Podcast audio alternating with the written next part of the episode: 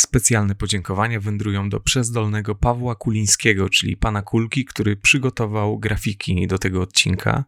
Pawle, dzięki Tobie po raz pierwszy w życiu wyglądamy atrakcyjnie. Dziękujemy. A patronami imiennymi podcasteksu są Prawdziwy Prywaciarz Krzysztof Słysz, Zbyszek Chojecki, Błażej Szkudłapski, czyli DJ z wąsem, który zakręci każdym parkietem, Piotr Semeniuk, Michał Szumlański, Szymon Żurawski, czyli Szymon Mówi oraz podcast 5 na 5. Bardzo Wam dziękujemy. Podcastex. Podcast o latach 90.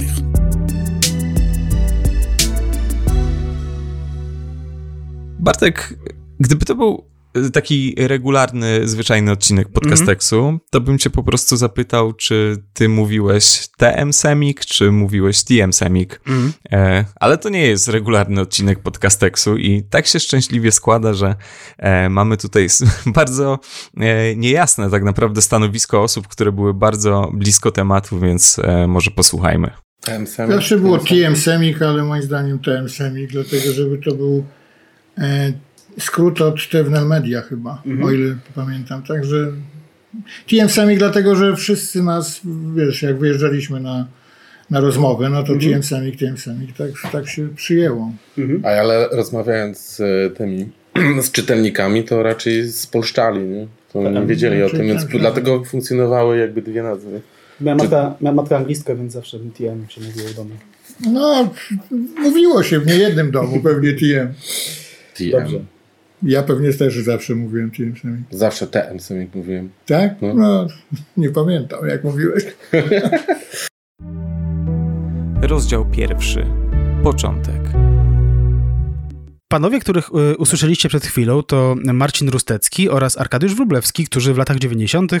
E, pracowali w wydawnictwie, no właśnie, no ja mówiłem TM Semik, muszę powiedzieć. Mateusz, ty ja chyba też. też. Ja też. E, mhm. A właściwie w TM System albo TM System Supergruppen Codem, bo to była e, wstępna, początkowa nazwa, powiedzmy, tej firmy, która, no właśnie, wydawała w Polsce e, komiksy których nie można było za bardzo wydawać pomiędzy rokiem 39, powiedzmy, znaczy dobra, w 39 można było, no ale później jakby nie było okazji, a jeszcze później nie można było, tak? E, pomiędzy rokiem 39 a 89, czyli dokładnie wtedy, kiedy e, wydarzały się największe rzeczy związane z e, konwencją superbohaterską w komiksie amerykańskim, tak? Ten 39 sobie tak postawiłem jako taką datę, no bo wtedy powstał przecież Batman. Mhm. To jest istotne istotna data, tak? Te komiksy amerykańskie oczywiście bywały w Polsce znane i jakby na różne sposoby pojawiały się e, nad Wisłą, natomiast nie było takiego regularnego wydawania miesiąc w miesiąc konkretnych e, serii komiksowych, e, konkretnych ranów, czy konkretnych tam, nie wiem, takich zwartych historii powieściograficznych, powiedzmy. I za to się dopiero właśnie wziął TM Semik. I to jest wydanie specjalne podcasteksu, w którym będziemy rozmawiali o TM Semiku, czyli o wydawnictwie naszego dzieciństwa, Mateusz, prawda? Zdecydowanie tak. Trochę tutaj rozmawiamy z łezką w oku, trochę y, jesteśmy na kolanach w stosunku do własnych wspomnień. Nie wiem, dlaczego mówię jakąś nieistniejącą piosenką Patrycji Markowskiej, ale hej, dlaczego nie? To jest bardzo, y, to jest bardzo dla nas, y, chyba mogę tak powiedzieć, za nas obu bardzo dla nas ważny odcinek i, i myślę, że w formie tego odcinka też da się dostrzec to, że to jest jakaś taka, no, wyjątkowa sprawa. Tym bardziej, że mamy tutaj do czynienia tak naprawdę z historią, która się zaczyna bardzo, bardzo prywaciarsko i tutaj już wędruję w stronę przełomu lat 80. i 90. No bo słyszeliście już Marcina Rusteckiego i Arka Wrublewskiego. No właśnie, mówię Arka, no bo tak, tak się nam zapisał w pamięci wraz ze swoimi e, aliasami. I jeszcze ich usłyszycie dzisiaj e, wielokrotnie, podobnie jak e, innych gości i gościnie. Mm, ale ta historia zaczyna się jednak bez nich. I warto ją tutaj króciutko przytoczyć, bo, bo pomysł na to, żeby wydawać amerykańskie superbohaterskie komiksy w Polsce, narodził się w Szwecji. I narodził się właśnie w takim środowisku biznesmenów, polskich biznesmenów mieszkających e, w Szwecji. E, to byli Stanisław Dudzik i Waldemar Posmyk-Tewnel. E, Stanisław Dudzik działał jakoś w, tych, w tym środowisku szwedzkim show biznesowym, z tego co wiem i generalnie chodziło o to, żeby wraz z tym, że Polska no, staje się krajem wolnorynkowym, żeby zrobić jakiś biznes w ojczyźnie faktycznie. I pierwszy pomysł podobno, jak sam Dudzik wspominał, dotyczył rynku fonograficznego, tylko no jakby wiecie, początek lat 90. i robienie biznesu w przemyśle muzycznym, gdzie jakby wszyscy mają bardzo taki no niezobowiązujący stosunek do praw autorskich, to, to nie był najlepszy pomysł. No i co, tak panowie sobie zasiedli i e, tutaj pomocny okazał się syn Stanisława Dudzika, o ile dobrze pamiętam, no bo panowie stwierdzili, okej, okay, może komiksy, może w Szwecji jest duży rynek, w Polsce tego nie ma w takim wydaniu. Mieliśmy oczywiście swoje rodzime produkcje, ale to rzecz o innym charakterze. Pobiegli, to jak zwykle takie legendy, pobiegli do pokoju tego syna, zobacz, patrzcie, tutaj on czyta Fantoma, takie, tutaj Supermany, Batmany. E, no i co? I tak właściwie to bardzo szybko przebiegał cały ten proces. Udało się po prostu dotrzeć do osób decyzyjnych, jeżeli chodzi o te prawa w Szwecji, czyli do e, ludzi z Semika, czyli z wielkiej korporacji wydawniczej, parę telefonów, parę rozmów i jakieś gwarancje bankowe na e, 300 tysięcy dolarów, zdaje się, wówczas odpowiednik 300 tysięcy dolarów w koronach szwedzkich. No i tak to się zaczęło, tylko właśnie zanim dotrzemy jeszcze do tej sytuacji, w której mm, stery obejmie Marcin Rustecki i Arek Wrublewski jako bardzo młoda osoba, no to jeszcze minie trochę czasu, no bo cała impreza tak naprawdę na polskim gruncie zaczyna się w pewnym sensie w Krakowie, ale w pewnym sensie w Finlandii i tak tak dalej, i tak dalej. No bo przełomowy jest tutaj rok 1990. Tak, e, rok 90, e, w którym no, wyszły pierwsze komiksy amerykańskie po polsku z, ze stajni TM Semik e, i to był pierwszy numer Spidermana oraz pierwszy Punisher, który początkowo był współdzielony z jakąś, taką, z jakąś tam inną historią. No ale tak, ale, ale, ale wyszły te numery. Ten Spiderman zresztą, który miał na okładce uroczą literówkę, właściwie dwie literówki, mhm. bo tam jest wi witamy w uniwersum Marvela i uniwersum jest napisane przez V, a Marvela przez W, więc, więc tam się te, te literki jakoś tam zamieniły miejscami. E, no i tam na tej okładce od razu widzimy Spidermana, od razu widzimy rzeczywiście uniwersum tak, Marvela, tak, tak. Nie, nie można powiedzieć w pełnej klasie, no bo to są jednak tysiące postaci, tak? No ale, no ale widzimy tam Tora, widzimy um, tam jak Kapitan Amerykę, tak, Daredevila i tak dalej, więc widzimy mnóstwo tych, e, tych postaci, które są istotne dla Marvela. E, no i to był przy okazji komiks, który pobił rekord TM Semiku, tak? Jakby rekord, którego, tak. którego nigdy później nie udało się pobić, bo poszło 100 tysięcy egzemplarzy, więc po pierwsze zdajmy sobie sprawę z tego, jakie to były nakłady i jak, jak chłonny był rynek, że można było po prostu wejść w zasadzie z nowym pomysłem.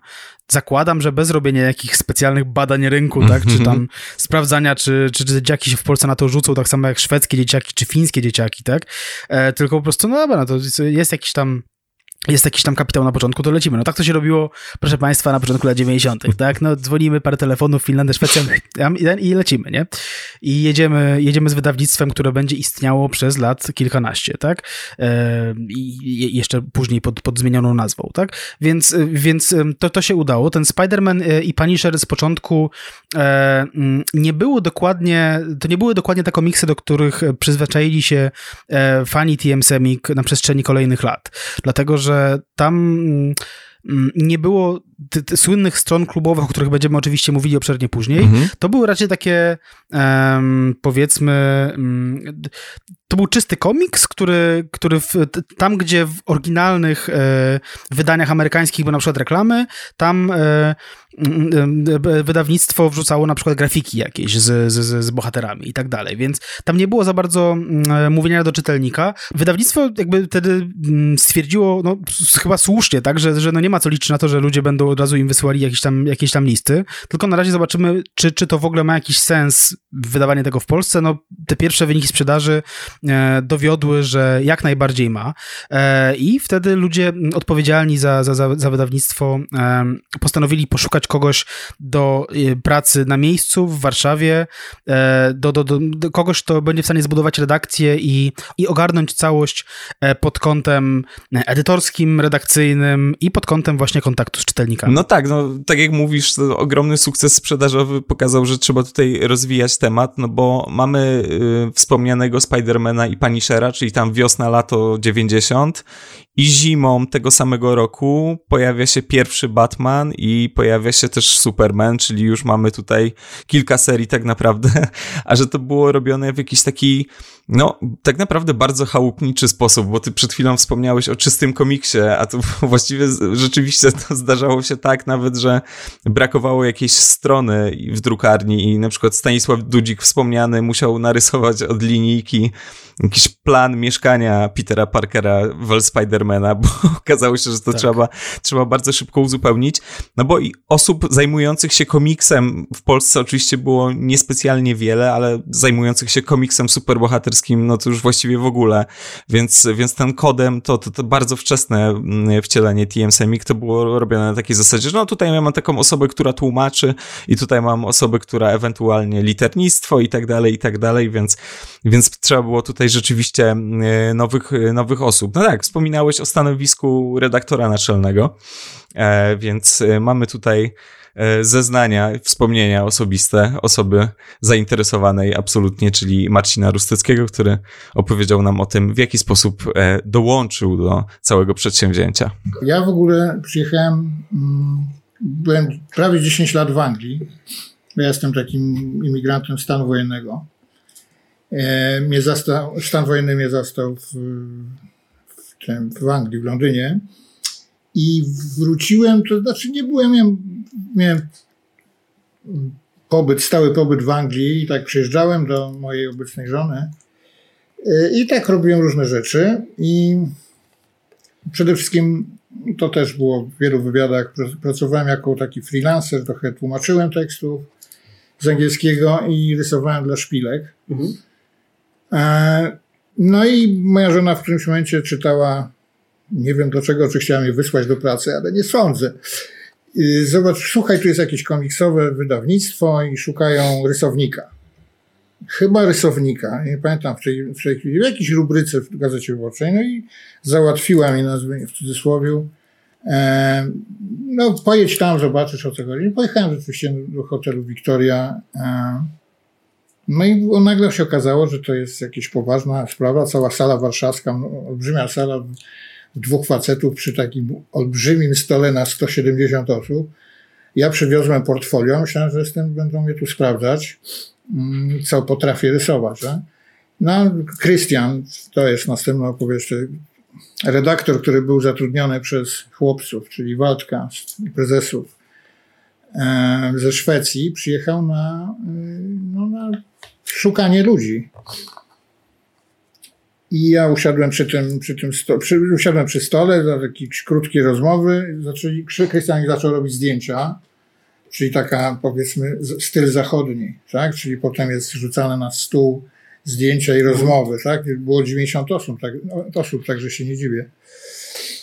No i powiedziałem, że mogę pokazać, pokazać pracę. Nie dziękujemy i dał mi okładkę Batmana szwedzką i kredki i kalkę, żebym mhm. pokolorował na, ksero, na kserokopii. E, najpierw mi pokazał okładkę, potem dał mi kserokopię czarno-białą i kalkę i kredki.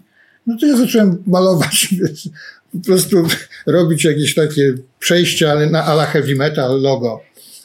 E, kupowałem w Anglii, zresztą komiksem zawsze się interesowałem i heavy metal miał takie metaliczne przejścia graficzne i coś zacząłem zrobić. Koniec. Ile pan by chciał zarabiać? Co pan robi? Do widzenia. Dziękuję, odezwiemy się. I e, od 12 pojechaliśmy potem z Ewą do przyjaciół. Poszliśmy, sąsiedzi no i przychodzi córka gdzieś koło 11 czy 23. A pan, jakiś pan Tewnel dzwonił do, do ciebie, Marcin.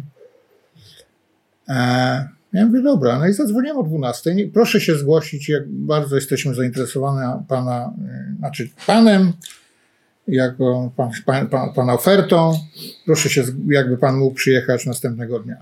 Koniec. Jeden dzień załatwiona praca na 10 lat skrócie. Dzisiaj jak, jak, się, jak idziemy na jakieś interview, prawda, mówiąc, używając makaronizmu do, do, do jakiejś no, pracy do jakiejś korporacji, to wiemy, że te, te, te zasady HR-owe są, są bardzo ściśle określone, także tak, absolutnie, tak, tak. Tutaj, tak.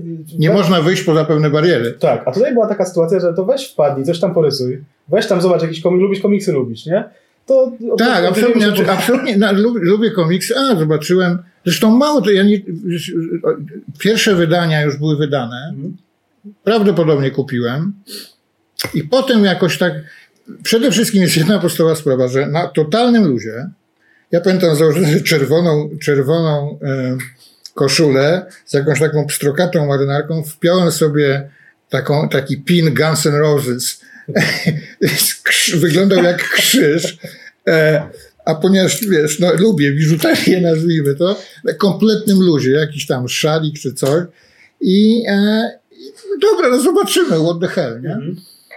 Nie, no, absolutnie nie zależało mi, na, nie szukałem pracy, mhm.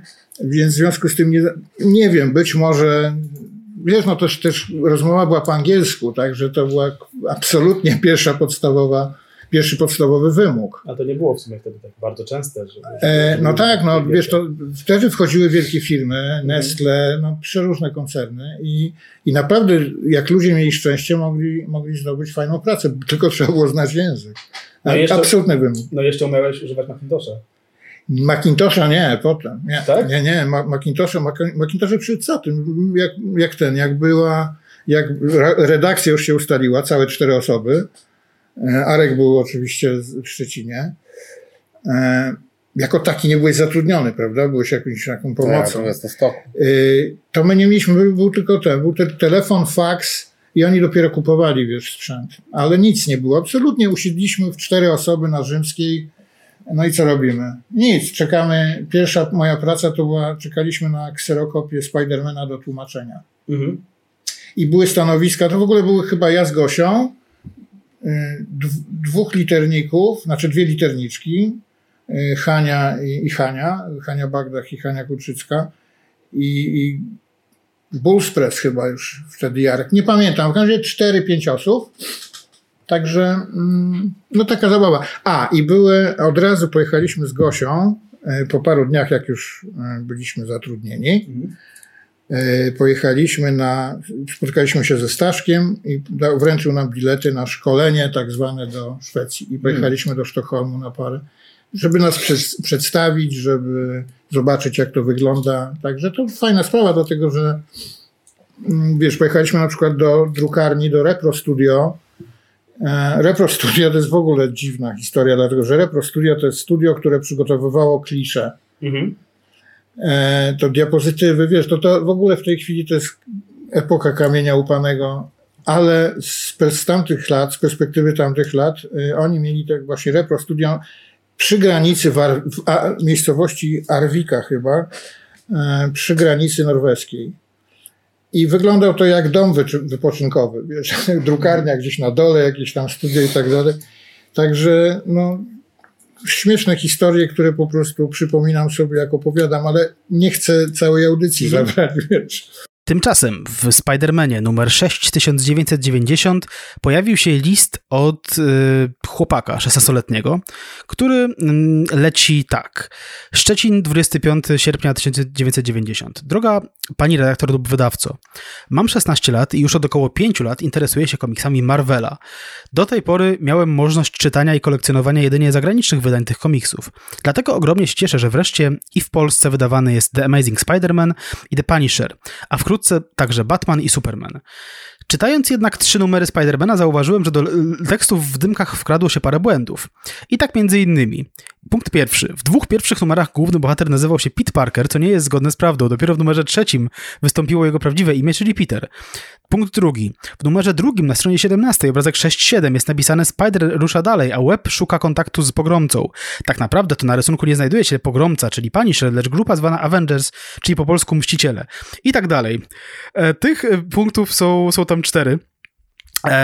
I e, autor listu kończy go tak. Mimo tych błędów, które wynikły zapewne stąd, że tłumacz nie znał poprzednich numerów Spidermana niepublikowanych w Polsce, a to jest szpileczka, mm -hmm. to jest wspaniałe, że wreszcie i polscy czytelnicy również mogą śledzić losy superbohaterów. Na koniec chciałbym zapytać panią redaktor, czy można się spodziewać, że wzorem szwedzkich wydań, także w polskich wydaniach w rubryce Spider-Man Club i Punisher Club będą zapowiadane następne numery tych komiksów i tak dalej, i tak dalej. Z poważaniem, miłośnik komiksów Marvela, Arek ze Szczecina. E, nazwisko tutaj do wiadomości redakcji. Tutaj redakcja odpowiedziała mu, że dziękują bardzo, że tam przyłapał ich na błędach i rzeczywiście tam przyznają, tam biją się w pierś, etc., etc. Tym, że Arkiem ze Szczecina e, był znany przez właściwie całe polskie środowisko komiksowe, e, no i nie tylko, no, znany właściwie przez wszystkie komiksowe dzieciaki lat 90., Arek Wróblewski, wówczas rzeczywiście 16-letni, który trochę znaczy nie dzięki temu listowi, tak, ale ten list był jakimś takim wyraźnym sygnałem, że jest sobie taki specjalista od komiksów gdzieś w Polsce, który rzeczywiście, um, który rzeczywiście ten, ten materiał um, źródłowy zna znakomicie e, i jest on w stanie e, z jednej strony zdisować redakcję za to, że coś tam tłumacz pochrzanił, a z drugiej strony e, jest w stanie być może wesprzeć tę redakcję, natomiast e, Zapytaliśmy samego e, Arka Wróblewskiego, jak to z nim było, e, jak to było z tym listem i skąd się wzięła ta znajomość e, komiksów Marvela i DC u 16-latka ze Szczecina z roku 90. Patrzymy teraz na list, który ja napisałem do redakcji Kodemu, to było, tak? Kodem? Tak, tak, jeszcze. Tak, bo jeszcze zanim powstał e, e, e Semik, nasz ten Semik, to komiksy amerykańskie, e, te, te e, Spider-Many i Punishery były wydawane przez wydawnictwo z Krakowa. Ja dokładnie nie znam tej historii, ale wiem, że ktoś inny wydawał te komiksy. Tak, to nie był chyba jeszcze Waldek i ten, to był ktoś inny, tak? Nie, to był Kodem. Licencyjne, tak? absolutnie, tak.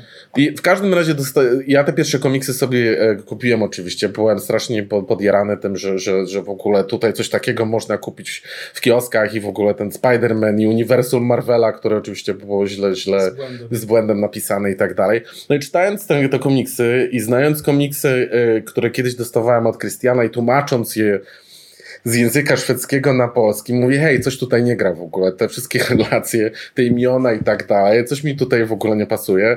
A ponieważ, tak jak mówię, od, od dzieciństwa byłem taki bardziej, bardziej, bardzo taki hej do przodu. Mówię, jak coś jest nie tak, trzeba to zmienić, poprawić. Więc natychmiast napisałem list do Kodemu i mówię, dobrze, tu są poprawki, które musicie nanieść, ponieważ coś jest, coś jest e, nie tak. I ten list, tak, ten list chyba w ogóle nie to, nie, to nie jest, ten list nie był powodem tak naprawdę, że zacząłem później pracować dla Semika. To wszystko był jednak Krystian, natomiast być może w jakiś sposób się tam to wszystko e, powiązało, tak jak powiedziałeś w którymś momencie. Dzięki temu listowi między innymi pewnie, i to też pewnie nie, było, nie był jedyny kontakt twój z redakcją, e, trafiłeś później na taką listę e, klubowiczów, która jeszcze powstała tak, tak, bardzo wcześnie i mało tego, że trafiłeś na listę klubowiczów, to jeszcze na tej liście klubowiczów byłeś e, wyboldowany, tak? Byłeś tam wytłuszczonym drukiem jako, jako specjalista oznaczony, więc, więc rzeczywiście tam już zbudowałeś sobie nazwisko. Nieświadomie z każdej strony pukałem do tej firmy, jednym słowem. E, to nawet nie chodziło o to, bo, bo pamiętaj, że, że e, umówmy się, byłem w szkole, byłem w liceum, tak? Byłem licealistą, druga klasa, musiałem się uczyć, miałem jakieś tam e, testy, e, klasówki i tego typu różne inne historie, więc byłem, byłem, byłem tym zaoferowany również, ale jednocześnie nie mogłem po, o, o, odpuścić takich tutaj, brzydko mówiąc, baboli, które były w komiksach. Mówię, nie, nie, trzeba coś z tym zrobić. E, ale nie, nie z zamiarem takim, że kiedykolwiek, ale z, z, z, nie myślałem, że będę pracował później z Marcinem, z, z, Krystianem i z całą grupą. Także to tak było trochę na zasadzie, ej, to trzeba, ktoś to musi zrobić. Nie? E, cieszę się, że to, to, to tak fajnie się zawiązało, powiązało. No właśnie, y, mamy tutaj ciekawą sytuację. Swoją drogą ta korespondencja jest utrzymana w bardzo takim uprzejmym, y, takim nie dzisiejszym już tonie i to jest takie tak. bardzo, bardzo urocze, tym bardziej, że tutaj osoba, która, to nie jest Marcin Rustecki, oczywiście nie ma jeszcze Marcina Rusteckiego w tej historii, osoba, która odpowiada na ten list, zdaje sobie sprawę z tego, że tak, że no my tutaj pod względem jakimś edytorskim, translatorskim i pod względem znawstwa tematu mamy pewne problemy, bo my tak naprawdę tutaj błądzimy we mgle. To jest dla nas coś absolutnie nowego, a ta cała historia, która ma kilkadziesiąt lat, która jest wcześniej, ona jest nam e, nieznana. Proszę pana, my tylko wykonaliśmy parę telefonów do Szwecji i Finlandii. Tak, tak, tak. Ja nie wiem, jakieś Batman, komiksy tutaj tam. chodzą, tygu, tu jakieś fiki-miki. E, no i tak, no i Arek Wróblewski nie był osobą, która się zainteresowała tematem superhero, dlatego, że sięgnęła po Spidermana e, wydanego w Polsce, tylko znała ten temat już e, wcześniej, więc funkcjonował ten Arek, e, nastoletni Arek z perspektywy wydawców jako prawdziwa mm, skarbnica wiedzy. No i poprosiliśmy Arka, żeby opowiedział nam parę rzeczy na temat e, swojej przygody z komiksami, więc tutaj takie jego własne origin story. Posłuchajmy. Moja historia to w ogóle zaczęła się e, znacznie, znacznie, znacznie wcześniej. E, e, jakby przygoda z TMS-em, który wtedy jeszcze nie istniał, bo, bo zaczęła się od tego, że mój tata, mój tato, który, który akurat miał to szczęście, to były czasy jeszcze e, komunizmu, komunizmu przed, przed transformacją. E, I jeszcze kiedy byłem, e, nasto, nawet nie byłem nastolatkiem, byłem gówniarzem, miałem ile, 8-9 lat, e, e, przywoził mi komiksy, e, w ogóle był marynarzem, e, więc przy, miał okazję kupowania różnych tam e, i zabawek i komiksów za granicą, później tu przywoził. Między innymi w moje ręce trafiły komiksy ze Szwecji, jeśli dobrze pamiętam, ze Szwecji, z Norwegii, z Finlandii. E, I to mnie strasznie zafascynowało, bo w Polsce były dostępne jedynie komiksy typu Świat Młodych, czyli wycinane tam te komiksy z ostatniej strony ze Świata Młodych, to to robiłem akurat. E, Kajko Kokoszy i, i, i te wszystkie inne, Binio Bill, jeden z moich takich bardziej ulubionych komiksów. W każdym razie te komiksy mój ojciec przywoził. E, e, Ja oczywiście byłem zafascynowany w ogóle tym, co widziałem, superbohaterowie i tak dalej, to w ogóle kompletna, jakby dla mnie nowa jakość, ale nic nie rozumiałem z tego, co się działo, więc e, sięgałem po jakieś słowniki polsko-szwedzkie, które również mój ojciec był w stanie skądś tam załatwić i tłumaczyłem dosłownie dymek po dymku, siedząc przy Słowo swoim biurku, słowo po słowie, żeby zrozumieć w ogóle o co chodzi, kim jest Mary Jane, ki- jakie są relacje pomiędzy nią a Spider-Manem, te wszystkie w ogóle historie batmańskie i tak dalej. E, I w którymś momencie mój ojciec niestety e, przestał e, odwiedzać te kraje i, i, i jakby to, źródło komiksów gdzieś tam zniknęło. A czy językowo się rozwinąłeś wtedy? Językowo, jeszcze- w ogóle mój ojciec był, ponieważ pływał i znał język angielski, powiedział, a język angielski to jest podstawa w świecie, jakby przewidując to, co będzie się dalej działo, więc zapisał mnie na lekcję języka angielskiego, to wcale nie było łatwe w tamtych czasach. E, trochę się uczyłem szwedzkiego, czyli te, te, te komiksy i tłumacząc je i tak dalej. E, e, I to jakby ta, ta taka jakby baza powstawała bardzo wolno, ale jakoś tam powstawała.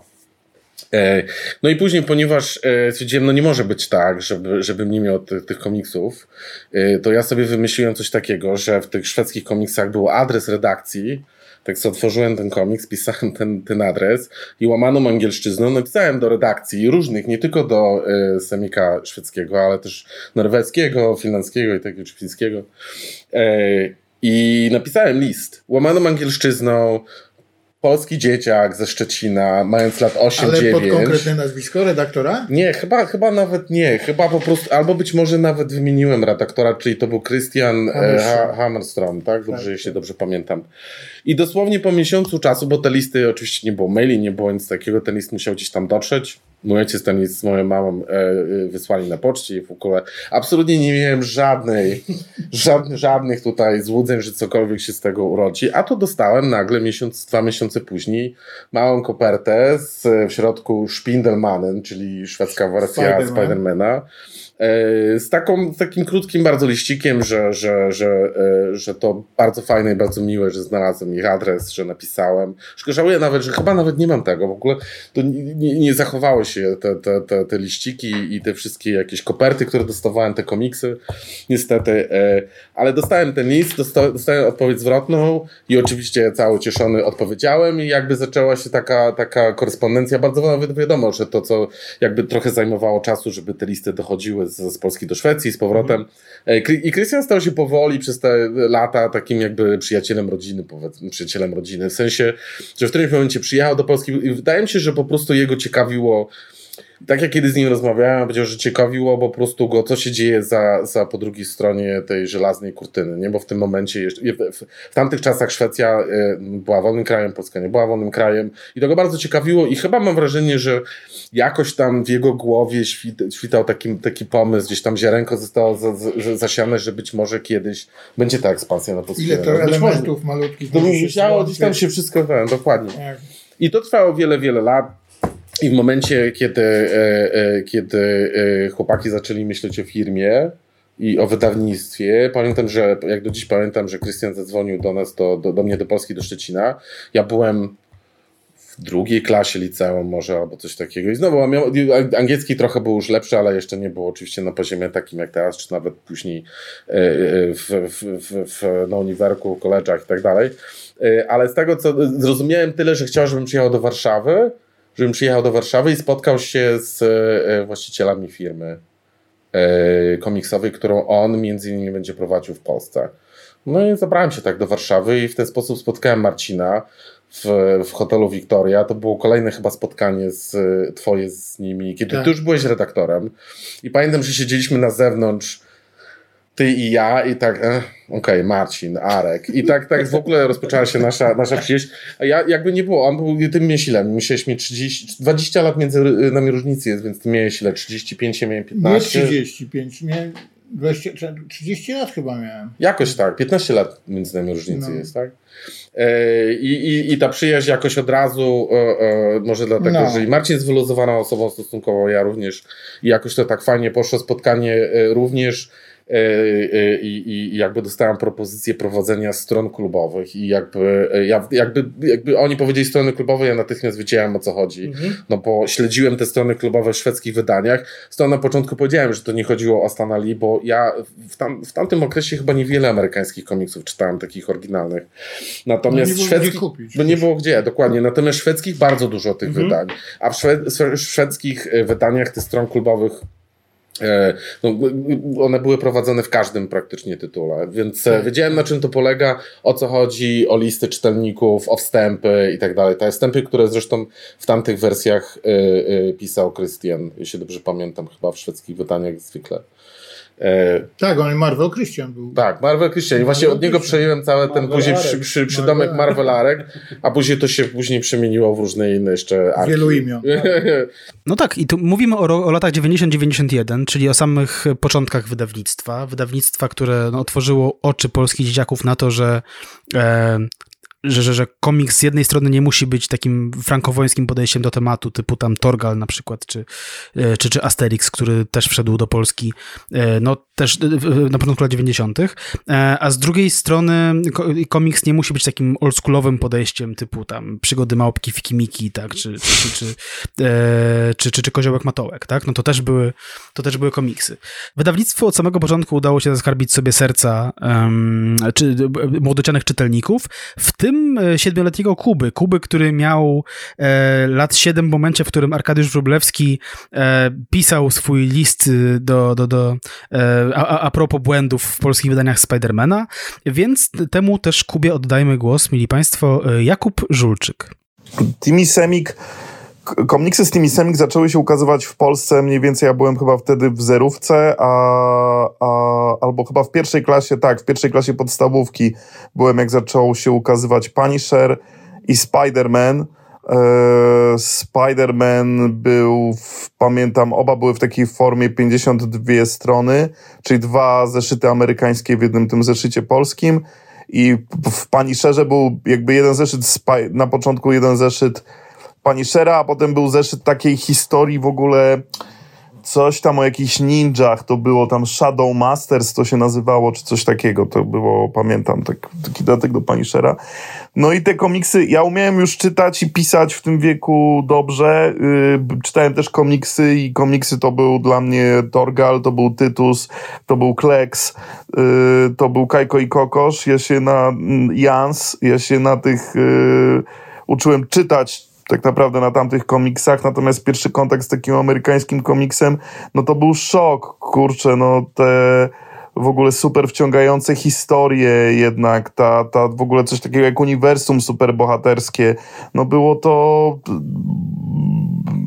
kompletnie zawładnęło to moją wyobraźnią i to trwało lata. No tak naprawdę to ja kupowałem regularnie wszystko, co wychodziło od Timmy Semik. Część z tego niestety jakoś potraciłem czy pogubiłem, ale część mam do dzisiaj. Nawet tutaj w swojej kolekcji komiksów w Warszawie teraz y, w mieszkaniu, w którym mieszkam, mam jakieś pojedyncze rzeczy z Timmy Semik. Y, Batman Venom, jakieś wydanie specjalne Weapon X na pewno mam z Mega Marvel, na pewno mam Batman Sanctum Minioli, y, na pewno mam jakieś tam z Nightfalla pojedyncze zeszyty. Mam chyba no, śmierć Supermana, wiadomo, to, to, to jakieś pojedyncze rzeczy tam, tam leżą w kolekcji, chociaż też mam duble w ogóle po niektórych tych komiksów po, po angielsku, jakieś angielskie, amerykańskie wydania, wydania jakieś omnibusy i tak dalej. Do rzeczy, no tak naprawdę, no właśnie mniej więcej do, do tego momentu kupowałem komiksy Timmy Semik, czyli to było parę ładnych lat, bo, bo właśnie chyba jakoś tak skończyłem je kupować no właśnie w momencie, jak był Nightfall, Night Quest i, i te serie Batmana i tak dalej, czyli naprawdę to musiało być parę ładnych lat i miałem konkretną, konkretną kolekcję i no i to była pasja i część mojego życia przez, przez, przez wiele lat, no. Jedyna seria, jakiej chyba nie kupowałem regularnie i jakoś nie mogłem się nigdy w to wkręcić, to był X-Men, bo po prostu się na nią spóźniłem i zacząłem gdzieś tam od siódmej, ósmej serii, od siódmego, ósmego numeru próbowałem kupować, ale już nie wiedziałem o co chodzi. No, po, no, wspomnienie takie najwyraźniejsze z tymi semik to właśnie na samym początku, jak strasznie się wkręciłem w, w Punishera i chyba drugi zeszyt polski skończył się takim cliffhangerem, że Punisher odbijał, to chyba te, kto to rysował w ogóle? Texeira, nie pamiętam, rysował, to Punisher odbijał takiego w ogóle Charles Manson lookalike z więzienia, no ale ten facet go wystawił, no i generalnie cliffhanger jest taki, że umierający Punisher leży na dnie jakiegoś kanionu na pustyni, podchodzą jacyś ludzie z ganami, no i ja po prostu przez miesiąc nie mogłem spać z ekscytacji tego, co będzie dalej. I w końcu jak zobaczyłem wracając ze szkoły, bo ja jeszcze byłem dzieckiem, które wracało samo ze szkoły na piechotę albo autobusem w tym wieku, zobaczyłem w witrynie kiosku trzeciego Punishera, pamiętam, miał taką czerwoną okładkę, to ja po prostu zwariowałem, no musiałem mieć ten komiks i po prostu matki nie było w domu, pani w kiosku nie chciała mi dać tego na kreskę, więc po prostu pobiegłem do domu i wiedziałem, gdzie tam mama mniej więcej chowa jakiś szmal i po prostu wziąłem ten szmal, pobiegłem do tego kiosku z powrotem, a to było jakby kilometr w jedną stronę, bo ja mieszkałem w takim małym mieście i mieszkałem na jego jakby obrzeżach, gdzie nie było jeszcze jakiejś takiej infrastruktury, wtedy sklepy, kioski i tak dalej, trzeba było kawałek dojść do tego kiosku. No i pobiegłem do tego kiosku, po prostu zawinąłem mamie szmal i musiałem mieć tego Punishera, no bo ja po prostu wiedziałem, musiałem wiedzieć po prostu, co dalej się stanie, czy Punisher przeżyje i tak dalej, i tak dalej. To był formatywny w ogóle moment w moim życiu wtedy, bo ja poczułem jakby no moc cliffhangera, tak? Czym jest cliffhanger w ogóle w opowieści jakiejś seryjnej, z serialu, yy, serialu, komiksie i, i tak dalej, i tak dalej. Nie no, Timmy Semik to był, to był movement, to było moje życie, no, przez, przez wiele lat i w ogóle wielkie poropsy dla Arka z Timmy Semik i, i, i pozdrowienia w ogóle. I, i jeszcze wielkie propsy za te wstępniaki, bo pamiętam, że czytałem wstępniaki Arka, kiedy on w ogóle pisał o takich seriach jak Watchmen, jak Sandman i tak dalej. I pisał o tym w taki sposób, że po prostu mi się wtedy wydawało, kurczę, są jakieś najbardziej niesamowite, w ogóle jakieś odjechane muszą być komiksy, komiksy na świecie, no, także, także też te wstępniaki, które on pisał, były, były naprawdę dodawały jeszcze do tej zajawki. No, także Timmy Semik for Life na, na, na zawsze. Rozdział drugi. Sukcesy i porażki.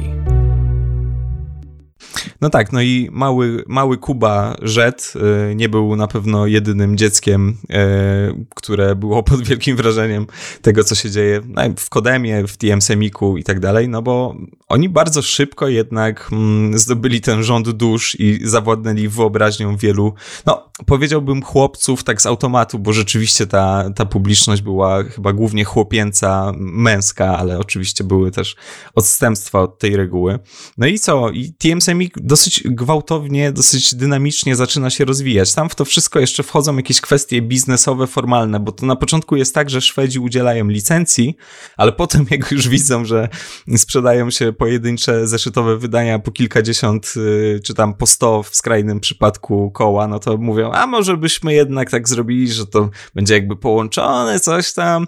Więc Stanisław Dudzik mówi, że ja te, teraz to już nie chcę. Nie, nie powiedział tak, zastanawiał się po prostu nad tym razem z partnerami biznesowymi, no i podjął decyzję, że tak, że to by był całkiem sensowny deal. No i tych, e, tych, tych rozmaitych serii zaczyna wychodzić naprawdę mnóstwo. Rekordowy był chyba 93 rok, o ile się nie mylę, gdzie wyszło chyba 130 parę zeszytów. Przy czym nie mówimy tutaj faktycznie tylko o, o, o superhero, tak? Bo tam wychodzą rzeczy w rodzaju, e, nie wiem, Goliata, którego ja troszkę pamiętam, no jakieś takie większe, sympatyczniejsze rzeczy, powiedzmy, mniej brutalne. E, co tam mamy jeszcze? Mamy to Alf. Alf, tak, właśnie. Rzeczy, Tommy które, Jerry, tam... Tommy Jerry, rzeczy, które reagują też na sukces, czy to kreskówek, czy to filmów. E, przy okazji Parku Jurajskiego mamy przecież e, krótką serię, e, więc tego jest mnóstwo. Mówiliśmy o Batmanie, Supermanie, Spidermanie, Punisherze, ale w 92 chyba zaczynają wychodzić w Polsce X-Meni, nie? Więc, y, więc mamy, tego, mamy tego tak naprawdę mnóstwo. No i y, oczywiście tutaj postaci Marcina Rusteckiego i Arka Wróblewskiego, czasami postaci bez twarzy. Ja na przykład sobie wyobrażałem po prostu to, jak, jak może wyglądać redaktor naczelny TMC Mika i jak może wyglądać Marvel Arek czy Bat Arek. E, I to w sumie było dosyć ciekawe i charakterystyczne dla tamtych czasów, tego typu domysły. E, no oni rzeczywiście stali się jakimiś tam bohaterami masowej wyobraźni, właściwie wręcz gwiazdami jeżeli chodzi o pewną część publiczności czytelników. Więc może posłuchajmy o tym, jak te początki wyglądały, jak oni się czuli, będąc jednak no, gdzieś tam w centrum zainteresowania, nawet jeżeli oczywiście ten ich udział w, tej całej, w tym całym przedsięwzięciu ograniczał się do, do spraw wydawniczych, edytorskich. E, tutaj kilka wspomnień, zarówno Marcin i Arek e, opowiedzieli nam o tym, jak to wyglądało. Ja odpowiem ze swojej strony, dlatego że jak gdyby od strony mm, redaktora naczelnego i gdzie wiesz, szkolili mnie w różnych w tego typu historiach, tych feedbacku ze strony e, czytelników. E, Christian powiedział, że to też mówiłem wielokrotnie, ale jest taka ciekawa historia, rozmawialiśmy. On mówi: Słuchaj, w którymś momencie za jakiś czas będziecie traktowani jak rockstars. I e, ja nie do końca, wiesz, no jak się siedzi tak w środku, to jak człowiek nie ogarnia z zewnątrz. I rzeczywiście mm, po jakimś czasie, kiedy, czasie, kiedy mm, zaczęliśmy mm, bywać na targach na przykład książki e, i na takich imprezach jak na przykład e, na Torwarze Warszawskim, czy chociażby wjeżdżaliśmy na, mm, do Eudeku, no, na komiksową MFK. Na MFK, tak. Międzynarodowy Festiwal Komiksu. Komiksu i gier, e, gdzie zresztą przez parę lat nawet sponsorowaliśmy, e, znaczy nie, nie, nie w całości, ale jakiś tam nasz wkład był w to.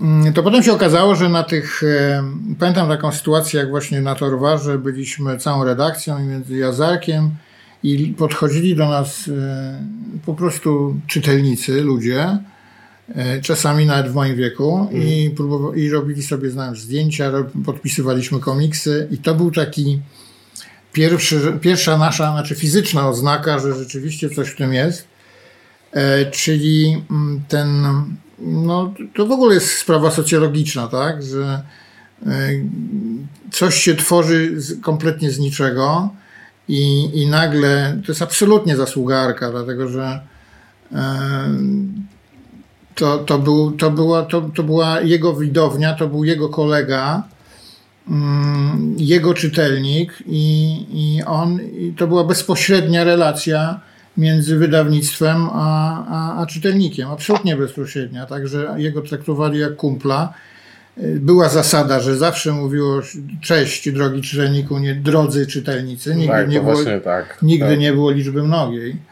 I to była ta zasada, której się trzymaliśmy. Zawsze kierowało się, dlatego że to jest po prostu, do, kon konkretnie się zwracasz do czytelnika, który aktualnie trzyma ten zeszyt w rękach. Także mhm no to jest taka moja krótka dygresja na temat tego, że mm, Krystian mi powiedział, że po prostu będziecie rockstars po jakimś e, gwiazdy rocka po, po jakimś czasie i rzeczywiście w zasadzie ten jak, jakiś czas to było dosyć krótki okres, także to z mojej perspektywy, natomiast Arek e, ze swojej może coś dodać.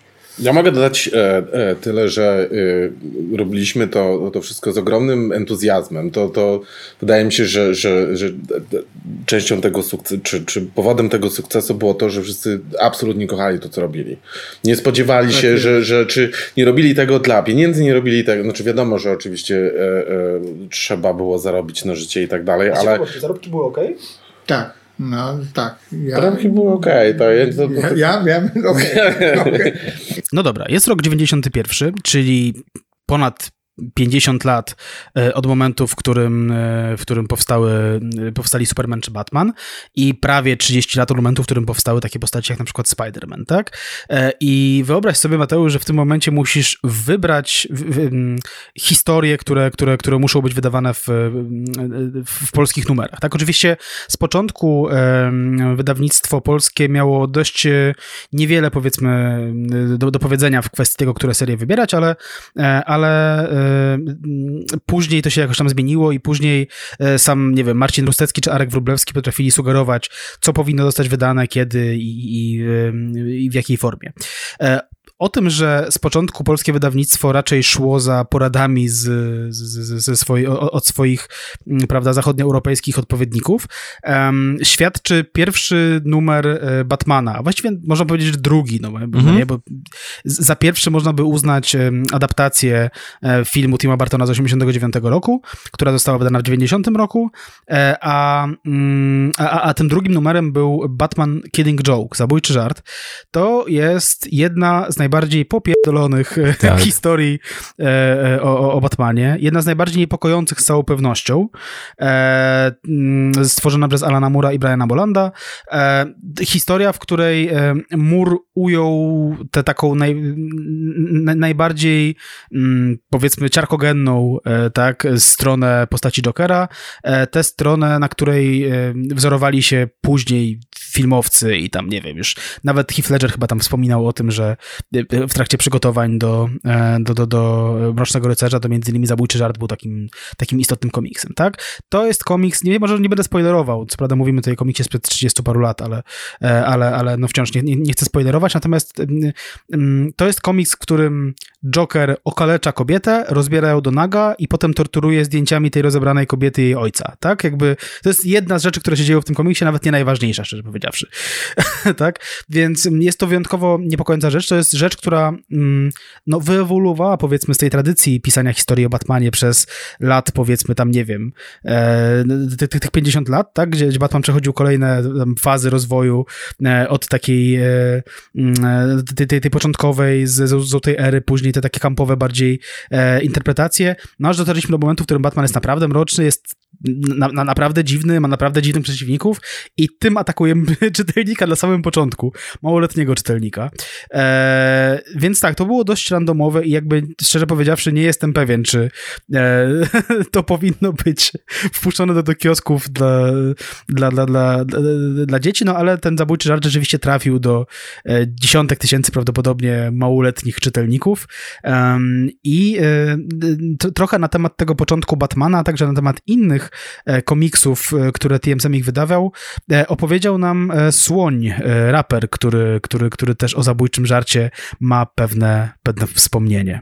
Cześć, siema wszystkim z tej strony Słoń. Mm, Przejdę od razu do tematu TM Semik. Komiksy TM Semik, ogólnie komiksy stanowiły bardzo, bardzo ważną rzecz. W moim życiu nie było to tylko i wyłącznie rozrywka. To było dla mnie coś naprawdę więcej. Pierwszą rzeczą, która była, e, którą widziałem, jeżeli chodzi o komiksy, prawdopodobnie pierwszym zeszytem, jaki był, to był pierwszy Batman, tak mi się wydaje, poprawcie, się, poprawcie mnie, jeżeli się mylę. Pierwszy to był Batman, y, komiks wydany na modłę filmu, gdzie Jack Nicholson grał Jokera i razem z tym Batmanem y, brat przyniósł również do domu y, Killing Joke. w tym Killing Joke'u to, co było dla mnie najważniejsze, to, to również to uczucie takiej niewiadomej. Oczywiście Alan Moore jest, jest geniuszem dla mnie, tutaj w dużym skrócie, natomiast y, uczucia, które towarzyszyły mi czytając te komiksy, porównując Batmana, który był totalnie no, w sumie płytki i miałki, mówię o tym y, filmowym y, Batmanie, a porównując to z zeszytem Skilling Joke, gdzie w momencie, kiedy tam Gordon wjeżdża do tego wesołego miasteczka i tam się zaczyna ciężka amba, to wiecie, pamiętam jak mój ojciec mi czytał ten komiks, leżałem, e, leżeliśmy już gdzieś tam wieczorem wyżej i ojciec patrzy na ten komiks, mi go czyta i mówi do mnie, to nie jest dla ciebie, co tutaj się dzieje w ogóle, nie? I zasadniczo tak było. Ja bym dziecku za, za Chiny nie pokazał Killing Joke. To naprawdę nie jest komiks dla dzieci. To nie jest Batman, który skacze po dachach i wiecie, i, i, i ratuje e, ludzi w potrzebie. To jest coś zupełnie innego. Tak więc od tego mniej więcej momentu mogę, e, mogę zacząć mówić o, jakimś, e, o jakiejś przygodzie e, z TM Semikiem i następnie wszystkie rzeczy, które się pojawiały, Spider-Many, Transformers, G.I. Joe, w każdym razie e, TM Semik był e, lwią częścią mojego życia. Chciałem rysować komiksy. Zaczęło się to od kalkomanii, tak więc na kal na, przez kalkę próbowałem odrysowywać jakichś bohaterów w jakichś e, pozach, które są narysowane na całą stronę. To były różne postacie. To był, pamiętam, że byłem zafascynowany oczywiście Punisherem, Wolverinem, który miał wtedy w polskich komiksach miał ksywę Rosomak. Tak więc TM Semix powodowali, że chciałem rysować komiksy, poległem i może to i lepiej, bo, bo bym się y, totalnie w tym nie sprawdził. Jeżeli chodzi o jakiś fun fact, to to, co mogę przytoczyć, to jest to dosyć takie no mm, nie chwalę się tym, żeby nie było, ponieważ y, jako dziecko y, kradłem komiksy w mojej szkolnej świetlicy i przynosiłem je do domu i próbowałem na przykład ułożyć sobie chronologicznie jakieś historie, nie wiem, jakiegoś X-Menów albo tam Punishera przykładowo i y, ludzie, którzy przynosili tam jakieś swoje stare komiksy, których już nie czytali i zostawiali je w, y, i zostawiali je w świetlicy, ja po prostu je, mówiąc wprost, jumiłem. Y, ja przynosiłem te komiksy, kradłem komiksy, przynosiłem je do domu. Miałem nawet jedną ścianę w domu, które te komiksy, których mi nie było aż tak żal, ja wycinałem okładki i miałem całą ścianę w okładkach komiksów generalnie jedną. Jestem ciekaw, czy nawet bym nie znalazł gdzieś tam w, w domu rodziców e, jakiegoś zdjęcia tej ściany. W każdym razie miałem tam okładkę przy okładce komiksów, jedna przy drugiej, taka mozaika. Więc takich fan faktów byłem złodziejem komiksów jako, jako dziecko. E, co mogę dodać do tego? Chyba, chyba to wszystko. W każdym razie TM Semik miało ogromny wpływ na mnie. E, mówię to całkowicie serio były, e, były komiksy, o których, wiecie, najgorszą rzeczą, która była e, z tym semikiem, była taka, że czytacie jakąś historię i była jakaś adnotacja, adnotacja przy dialogu, gdzie któraś z postaci nawiązuje do wydarzenia, która miała miejsce w komiksie na przykład jakiegoś, nie wiem, Tora w roku 88 w czerwcu. I wiecie, ja na to patrzę, ja się zastanawiam, ale kto to jest Thor? Ale gdzie, to gdzie ja znajdę ten komiks? E, wiecie, e, e, totalnie sobie nie zdawałem z tego sprawy, że, że my mieliśmy też szczątkowe historie gdzieś tam w Polsce, ale no żyłem tym, naprawdę, naprawdę żyłem tymi komiksami.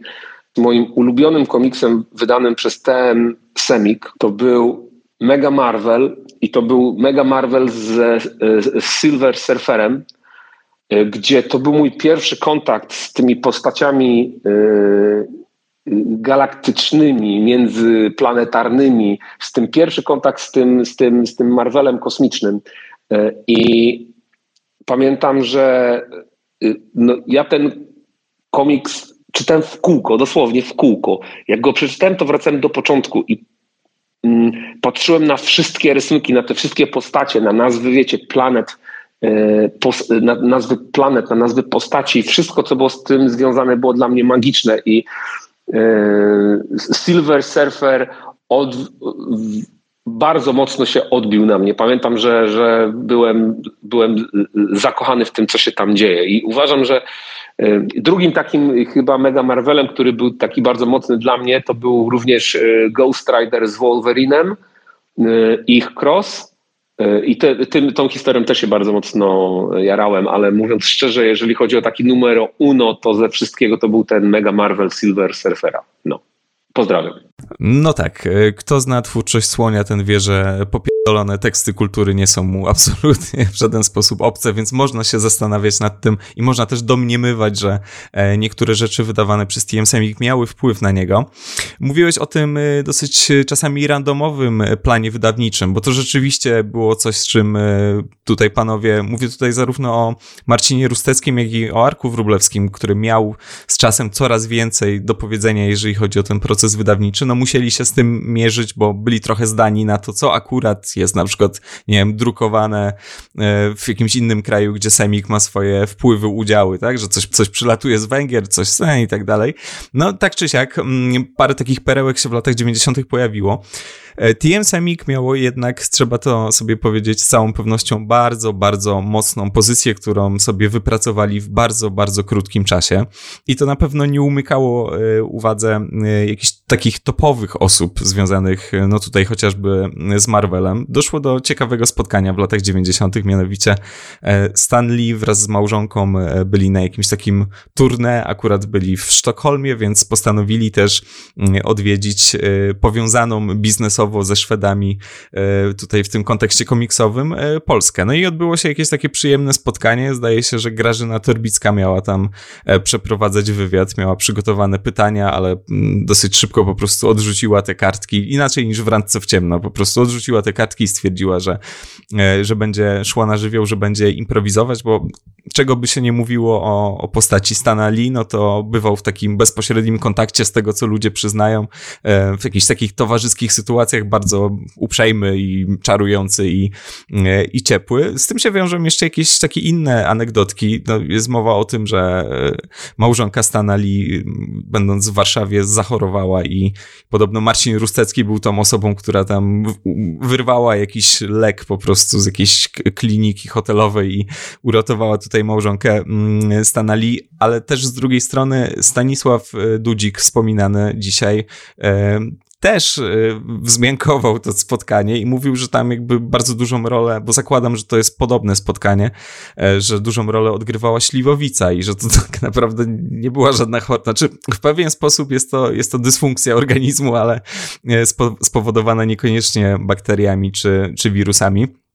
No, nie wiemy jak było, e, zostały anegdotki, no ale tak, ta pozycja była bardzo silna, mówiłem o, o monopolu, jeżeli chodzi o, o polskie superhero, no i rzeczywiście TM Semik funkcjonowało na ramach takiej jakiejś powiedzmy dżentelmeńskiej umowy z Egmontem, na zasadzie superhero to my, wy wydajecie rzeczy frankofońskie, nie wchodzimy sobie w drogę. No i rzeczywiście długo tak to wyglądało i, i odbywało się to z powodzeniem na pewno dla TM Semika. E, no więc y, zapytaliśmy o to, czy nie było jakiegoś innego dużego gracza, który mógłby tutaj TM Semikowi e, zagrozić i Marcin Rustecki opowiedział nam następujące rzeczy. Słuchaj, przede wszystkim e, byliśmy częścią wielkiego koncernu w związku z tym mm, za plecami mieliśmy wielkiego gracza, który mm, nazwijmy to troszczył się o poszczególne podmioty. Tak? Czyli jak weszliśmy do tej grupy semikowskiej, zostaliśmy przyjęci do, do rodziny i e, no, za nami stał e, plan wydawniczy. Także mm, jeśli chodzi o gracza nowego, to w ogóle nie było takiej opcji przez prawie całe lata 90., dlatego że to były ekskluzywne prawa kupione dla nas i nikt, żaden ani Marvel, ani Dark Horse, ani e, DC, żadne wydawnictwo nie, e, nie, nie sprzedałoby praw komukolwiek poza nami. Nie było takiej możliwości. Oprócz e, rzeczy, które TM ich wydawał co miesiąc i oprócz takich serii, które, które wychodziły i, i które, na, na, które składały się 24 oryginalne zeszyty e, amerykańskie rocznie, tak? No bo każdy numer TM Semiku, ten taki regularny, miał ze sobie dwa e, numery amerykańskie, nie licząc jakichś tam małych wyjątków. Właściwie każdy, z każdym tak było. E, TM Semik wydawał również e, grubsze rzeczy, takie, które mm, na 100 bądź 120 134, nie, 132 stronach Mhm. e, zbierały mm, takie, te, te, takie długie historie, które wy, wychodziły na przykład w Stanach przez, e, przez, przez tam pół roku, a u nas, e, proszę bardzo, mieliśmy od razu całą taką historię. E, Te wydania specjalne były czymś, co rzeczywiście bardzo przeżywałem w, w, w tamtym czasie. E, To były z jednej strony rzeczy, które pomagały nadganiać, powiedzmy, wydania amerykańskie, tak? Tutaj podam taki przykład. TMSM w którymś momencie, w połowie lat 90., wchrzanił się, i to użyłem tego słowa całkiem świadomie, w Nightfall i potem Night Quest i Night coś tam i te wszystkie rzeczy, które były związane z tym, że Batman miał przetrącony kręgosłup. Sorry za spoiler znowu do komiksu sprzed 30 lat, ale dobra. Że Batman miał przetrącony kręgosłup i tam był nowy Batman, a Batman jeździł na wózku, coś tam, coś tam, coś tam, tak? E, w związku z tym Night Questem em, w Stanach wychodziło ileś tam po prostu takich podserii, miniserii. W zasadzie jeśli czytelnik amerykański chciał być na bieżąco, to musiał jakby w każdym miesiącu kupować 6, 7, 8 tych numerów. No cóż, no ten nasz biedny TM Semik e, musiał sobie jakoś tam radzić z, e, z, z, z tymi wydaniami e, comiesięcznymi. No i tutaj w- sukurs, prawda, przybywały te wydania specjalne. E, wydania specjalne, które mm, e, potrafiły na przykład, nie wiem, rozwijać postacie poboczne tego Nightfalla, czyli na przykład tam, tam Azraela i Jean-Paul był, tak, był taki koleś, tak? Mhm. który, mm, który był bardzo istotny dla tej historii. Z drugiej strony mm, to były takie pamiętne rzeczy jak e, Batman Venom, czyli Batman Jad po polsku. Venom, który później e, pozwolił przeciwnikowi Batmana złamać, prawda, nietoperza, e, a z drugiej strony y, Venom, od którego uzależnił się Batman i to zasadzie jest taka no, opowieść o, o, uzależnieniu, dość poważna opowieść o uza- o uzależnieniu, która też zaczyna się od bardzo ponurej, e, od, od bardzo ponurego zwrotu akcji pod tytułem Batmanowi, Batman próbuje u, uratować małą dziewczynkę i mu się to nie udaje. E, więc te wydania specjalne były rzeczywiście taką gratką. E, w wydaniach specjalnych było też miejsce i w, i w Mega Marvelach, tak? Czyli powiedzmy w marvelowskich e, odpowiednikach e, tych, tych, tych grubszych to, e, tomików. Było też miejsce dla, dla postaci które niekoniecznie mogły być wydawane raz w miesiącu. No, Na przykład Ghost Rider, czy, czy, czy nie wiem, e, czy, czy, czy Silver Surfer, tak, czy Lobo na przykład, nie, który w swoim czasie był bardzo popularny i w zasadzie mi się wydaje, że z Lobo to można by było zrobić taką miesięczną serię, dlatego, że do dziś e, część czytelników, zwłaszcza taka, wiesz, heavy metalowo-rockmańska, część czytelników super wspomina, że Lobo to był ekstra komiks i kurde, ale to było, ale to było super, nie? Wiem, no Lobo funkcjonował jako coś takiego, co się czyta pod ławką jednak trochę, albo tak, żeby, żeby matka nie widziała, no bo jednak mówię tutaj o, o Lobo Bisleya, to jednak ten taki komiks, taki wiesz, zakazany owoc Mhm. trochę z tą całą brutalnością. Ja pamiętam no. trochę, jak, jak, jak mama kiedyś przejrzała, akurat to był tomik, który się nazywał Lobo Nieamerykańscy Gladiatorzy, który przeczytałem sobie w ostatnich miesiącach swojego po raz kolejny i w zasadzie całkiem nieźle się zestarzał. E, I mama trochę tak, pamiętam, była taka, e, well, do, do, do połowy komiksów ginie z połowa postaci, w tym, w tym z- połowa bohaterów. Wspomniałem o komiksie Batman, e, Batman Venom, e, który istotny był e, no, nie, tylko dla mnie, nie wiem, czy dla, czy dla ciebie był jakiś, jakoś tam ważnym e, tekstem kultury? Był. Jak zobaczyłem okładkę, to w ogóle wiedziałem, że, że absolutnie, że muszę, muszę, muszę na to, na to trafić, no. No i nie tylko dla nas był istotny, bo okazuje się, że był istotny również dla Katarzyny Czajki-Kominiarczuk, blogerki, autorki bloga Zwierz Popkulturalny. Katarzyna opowiedziała nam nie tylko o, o, o swoich tam faworytach komiksowych z, z, ze stajni TM Semik, e, ale również e, o tym, czym dla niej było to wydawnictwo i, i, i dlaczego było istotne. Moje wspomnienia związane z wydawnictwem TM Semik są bardzo mocno związane z moim dzieciństwem, z chodzeniem do kiosku, oglądaniem, czy są już nowe komiksy, te moje ulubione. Czytałam zawsze Batmana, czytałam Supermana. Mój brat uwielbiał X-Menów, ja miałam kilka lat i absolutnie nie byłam w stanie czytać tego komiksu, ja nie rozumiałam, co tam się dzieje. Pamiętam, że to był taki zwyczaj, że szło się do kiosku i próbowało się zobaczyć, czy już jest nowy komiks. I myślę, że to był wielki przywilej tak naprawdę kulturowy, dorastać w momencie, w którym komiksy były tak na wyciągnięcie ręki chyba. Jesteśmy jedynym polskim pokoleniem, które miało w ogóle dostęp do tej kultury kupowania zeszytowo komiksów. Z drugiej strony mam poczucie, że była jeszcze jedna rzecz, czyli olbrzymi rynek wtórny. E, nigdy nie zapomnę, kiedy mając kilka lat zachorowałam na świnkę, nie pojechałam na wakacje, moja mama poszła na bazar, gdzie był taki antykwariat i kupiła dla mnie cały rocznik Supermana i półrocznika Batmana i ja to czytałam przez dwa tygodnie choroby. Zresztą mogę powiedzieć, że to chyba był taki moment, w którym naprawdę zaczęła się moja miłość do komiksów. Pamiętam, że dostałam także jeden numer Punishera i kompletnie mi się nie podobał, to do dzisiaj pamiętam. Było też dużo takich komiksów, które były wydawane w serii Mega Marvel, czy takich osobnych zeszytach i to były te grube, osobne komiksy i do dzisiaj, kiedy myślę o takich komiksach, które wywarły na mnie największe wrażenie, które w jakiś sposób odcisnęły się na moim postrzeganiu tego, czym jest opowieść graficzna,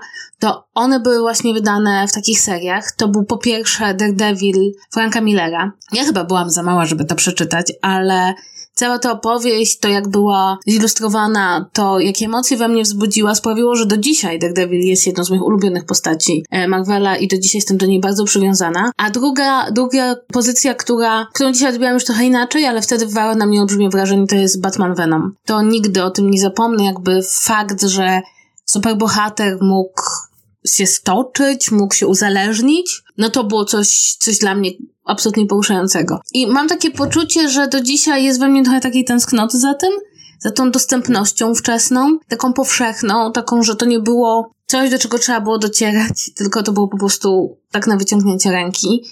I myślę, że było mi dużo łatwiej potem zaadaptować się do tej obecnej kultury popularnej, która jest bardzo mocno związana z superbohaterami, bo miałam miałam te podstawy, miałam, miałam po prostu te wspomnienia. I do dzisiaj z sentymentem myślę o części komiksów. Zresztą potem, po wielu latach, już na koniec, e, też w antykwariatach odkupiłam sobie właściwie prawie wszystkie numery Batmana, które wyszły. Zwłaszcza zależało mi na e, kupieniu sobie Nightfall, ponieważ no pamiętam jak Nightfall wychodził i jak mieliśmy to przeczucie, że to się źle skończy dla Batmana i mam takie po prostu przebitki czytania tego komiksu gdzieś na wakacjach, na czekanie na następny tom. Bardzo mocno wbiło mi się w pamięć właśnie to poczucie przeżywania tego story arku na żywo, tak? I, I to było coś dla mnie bardzo jakby istotnego, więc takie mam wspomnienia. Wydaje mi się, że bardzo bardzo mocno mam zawsze jak sięgam po komiksy superbohaterskie poczucie, że szukam tych emocji, które wtedy wzbudzały we mnie te wydania zeszytowe. Wspominaliśmy o Venomie, mm, e, Katarzyna Czajka-Kominiarczuk e, również. No te Mega Marvele i wydania specjalne to była, była jednak super gratka. Wspomniałeś o tym, że to właśnie pozwalało jednak na opowiedzenie jakiejś takiej rozszerzonej i zwartej historii zarazem i jeśli chodzi o ten plan wydawniczy TMC Mika, no to było dosyć ciężko, bo jeżeli X-Meni w Stanach w pewnym momencie mieli mm, siedem różnych serii, które wychodziły w miesiącu, a mm, polscy wydawcy musieli to jakoś przekuć i zmieścić w zeszycie wydawanym raz w miesiącu, no to to był, mm, to był spory problem. Mówiłeś o tych superbohaterach, którzy nie mieli swoich serii w Polsce.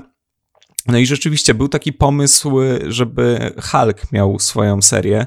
Nigdy to nie doszło do skutku, ale ja na przykład bardzo ciepło wspominam e, Mega Marvela z Hulkiem. To jest ten Mega Marvel Mo, może kojarzycie okładkę. Fioletowe obramowanie i, i zielona, zielona morda e, Halka w samym centrum i to jest komiks, który przewertowałem e, absolutnie milion razy jako dziecko i próbowałem też przerysowywać e, różne kadry i jakoś budować na ten. Tam się w ogóle pojawia masa różnych postaci, to takie crossoverowe wątki to też jednak coś, co, co w Mega Marvelach się, się często pojawiało. Czy ty poza Venomem masz jeszcze jakichś takich swoich faworytów, no, ograniczając się do tych tych Mega Marveli wydań specjalnych? Jest to tak, to dla mnie e, chyba mm, w ogóle najważniejszą postacią w dzieciństwie był, był zdecydowanie Batman, później dopiero wszedł Spider-Man, mm. ale jeśli chodzi o komiksy, to zdecydowanie wolałem komiksy o Batmanie niż o Spider-Manie i e, wydania specjalne z Batmanem były mm, czymś, co robiło gigantyczne wrażenie, zwłaszcza E, tutaj mówię o dwóch tytułach. Pierwszy to był Batman Black and White, e, który, o którym powiemy sobie mhm. później w kontekście tego, że czytelnicy niekoniecznie Batmana Black and White zrozumieli, więc ja mhm. zrozumiałem, miałem wtedy, prawda, 10 lat i już wiedziałem o co chodzi. E, a drugim, drugą rzeczą był, była o dziwo Batman vs Predator 2 jedynki, na jedynkę byłem chyba za mały, tam się nie wyrobiłem, pamiętam, że pokazał mi ją kolega czy coś tam, tak, a potem była dwójka, która, e, jak, jak przypomniałem sobie ją po latach, okazała się być strasznym kasztanem, natomiast wtedy, wow, ale to było narysowane, ale to było super, jeszcze w ogóle Predator i tak dalej, w ogóle, wiesz, TMC takimi crossoverami otwierał oczy polskim czytelnikom na to, że że, że, że, że, to, że to może być tak, że, że, że, że mm, różne potwory czy superbohaterowie przenikają się wzajemnie i jakby jakoś tam wchodzą do, do światów, do których nie powinny do, te, teoretycznie wchodzić, ale w jakiś sposób się to, się to im udaje, tak? E, więc dla mnie jako fana filmu Predator małoletniego e, zobaczyć, że jego ulubiony superbohater też musi się tam po prostu jak ten Arnold Schwarzenegger siłować z, z, z tym potworem z kosmosu, no to było duże przeżycie. E, później jeszcze e, bardzo lubiłem Superman vs. Aliens, e, mhm. ale to był chyba jeszcze większy kasztan. W sensie to, to, już, było, to już było nie do przejścia zupełnie. Znaczy, wtedy jak najbardziej, dzisiaj już nie do przejścia. To prawda. Y, wiesz co, tak, y, pamiętam oczywiście Batmana Black and White, bo to był chyba rok y, wielkiej powodzi i to się jakoś bardzo wpisywało w ten, w ten nastrój, ale mm, jeżeli chodzi jeszcze o właśnie, o rzeczy, które zapadły mi w pamięć, pamiętam na przykład Szablozębnego, znaczy Sabertufa, Texeiry mhm. i to była rzecz, która tak bardzo mi nie weszła, bo, bo to była rzecz dosyć wymagająca wizualnie, to, to, to to, to było inne rysowanie, to nie było rysowanie jakieś, znaczy realistyczne to oczywiście nie jest dobre określenie w kontekście superhero, nie? Ale to było, mhm. to było arty, więc pamiętam, że niektóre rzeczy mnie wyrzucały, ale tak, ta crossoverowość jest jakoś tam charakterystyczna. Zresztą mm, Avengersi chyba w Mega Marvelu wyszli mm, jakby numer po numerze, bo Mega Marvel był e, kwartalnikiem, o ile się nie mylę.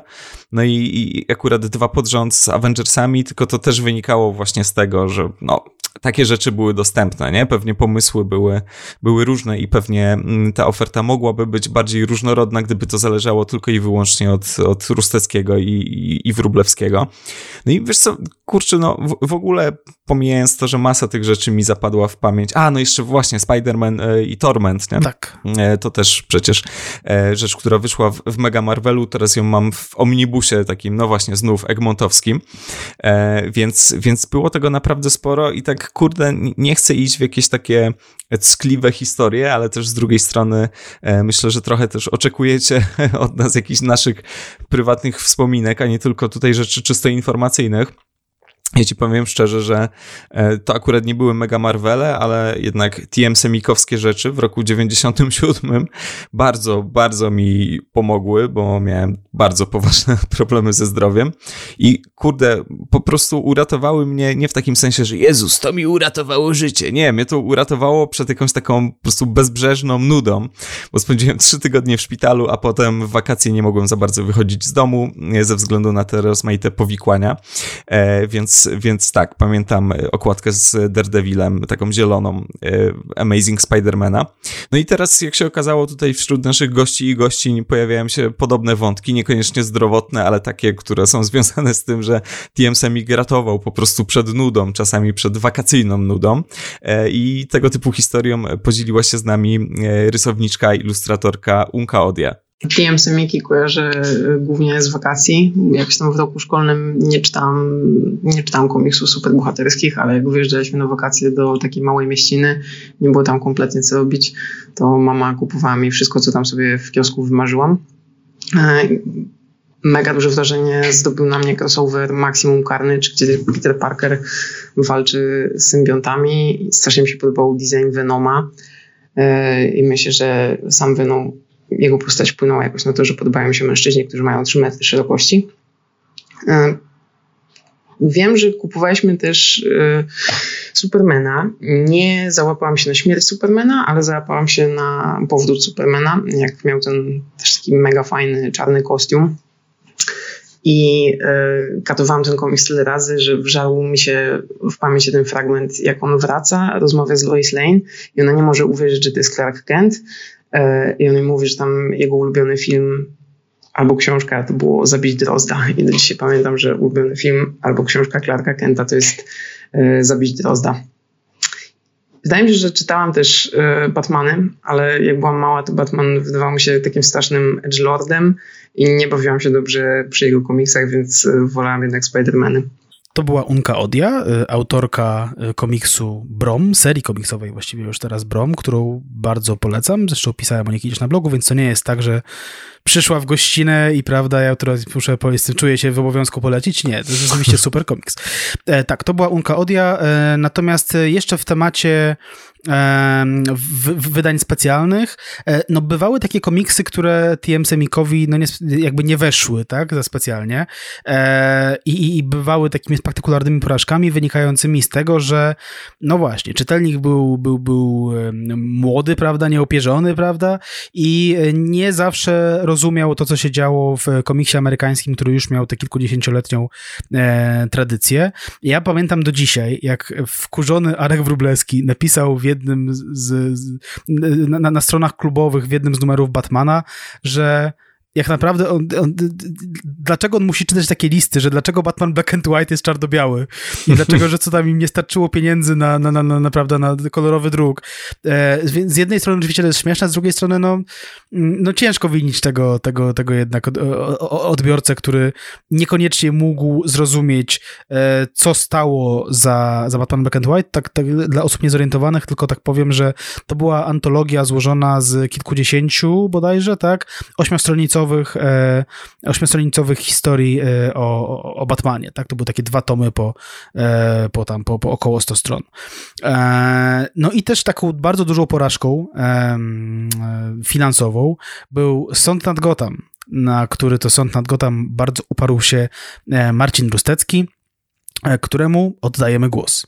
No, ja, ja absolutnie miałem poczucie, no może nie klęski, bo to jest za duże słowo na, ale no, rozczarowania i to sporego przy sądzie nad Gotham, e, bo uważam, że to był komiks jak na tamte czasy absolutnie przełomowy, jeśli chodzi w ogóle o, o medium.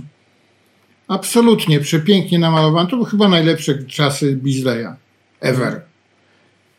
E, I no nie sprzedał.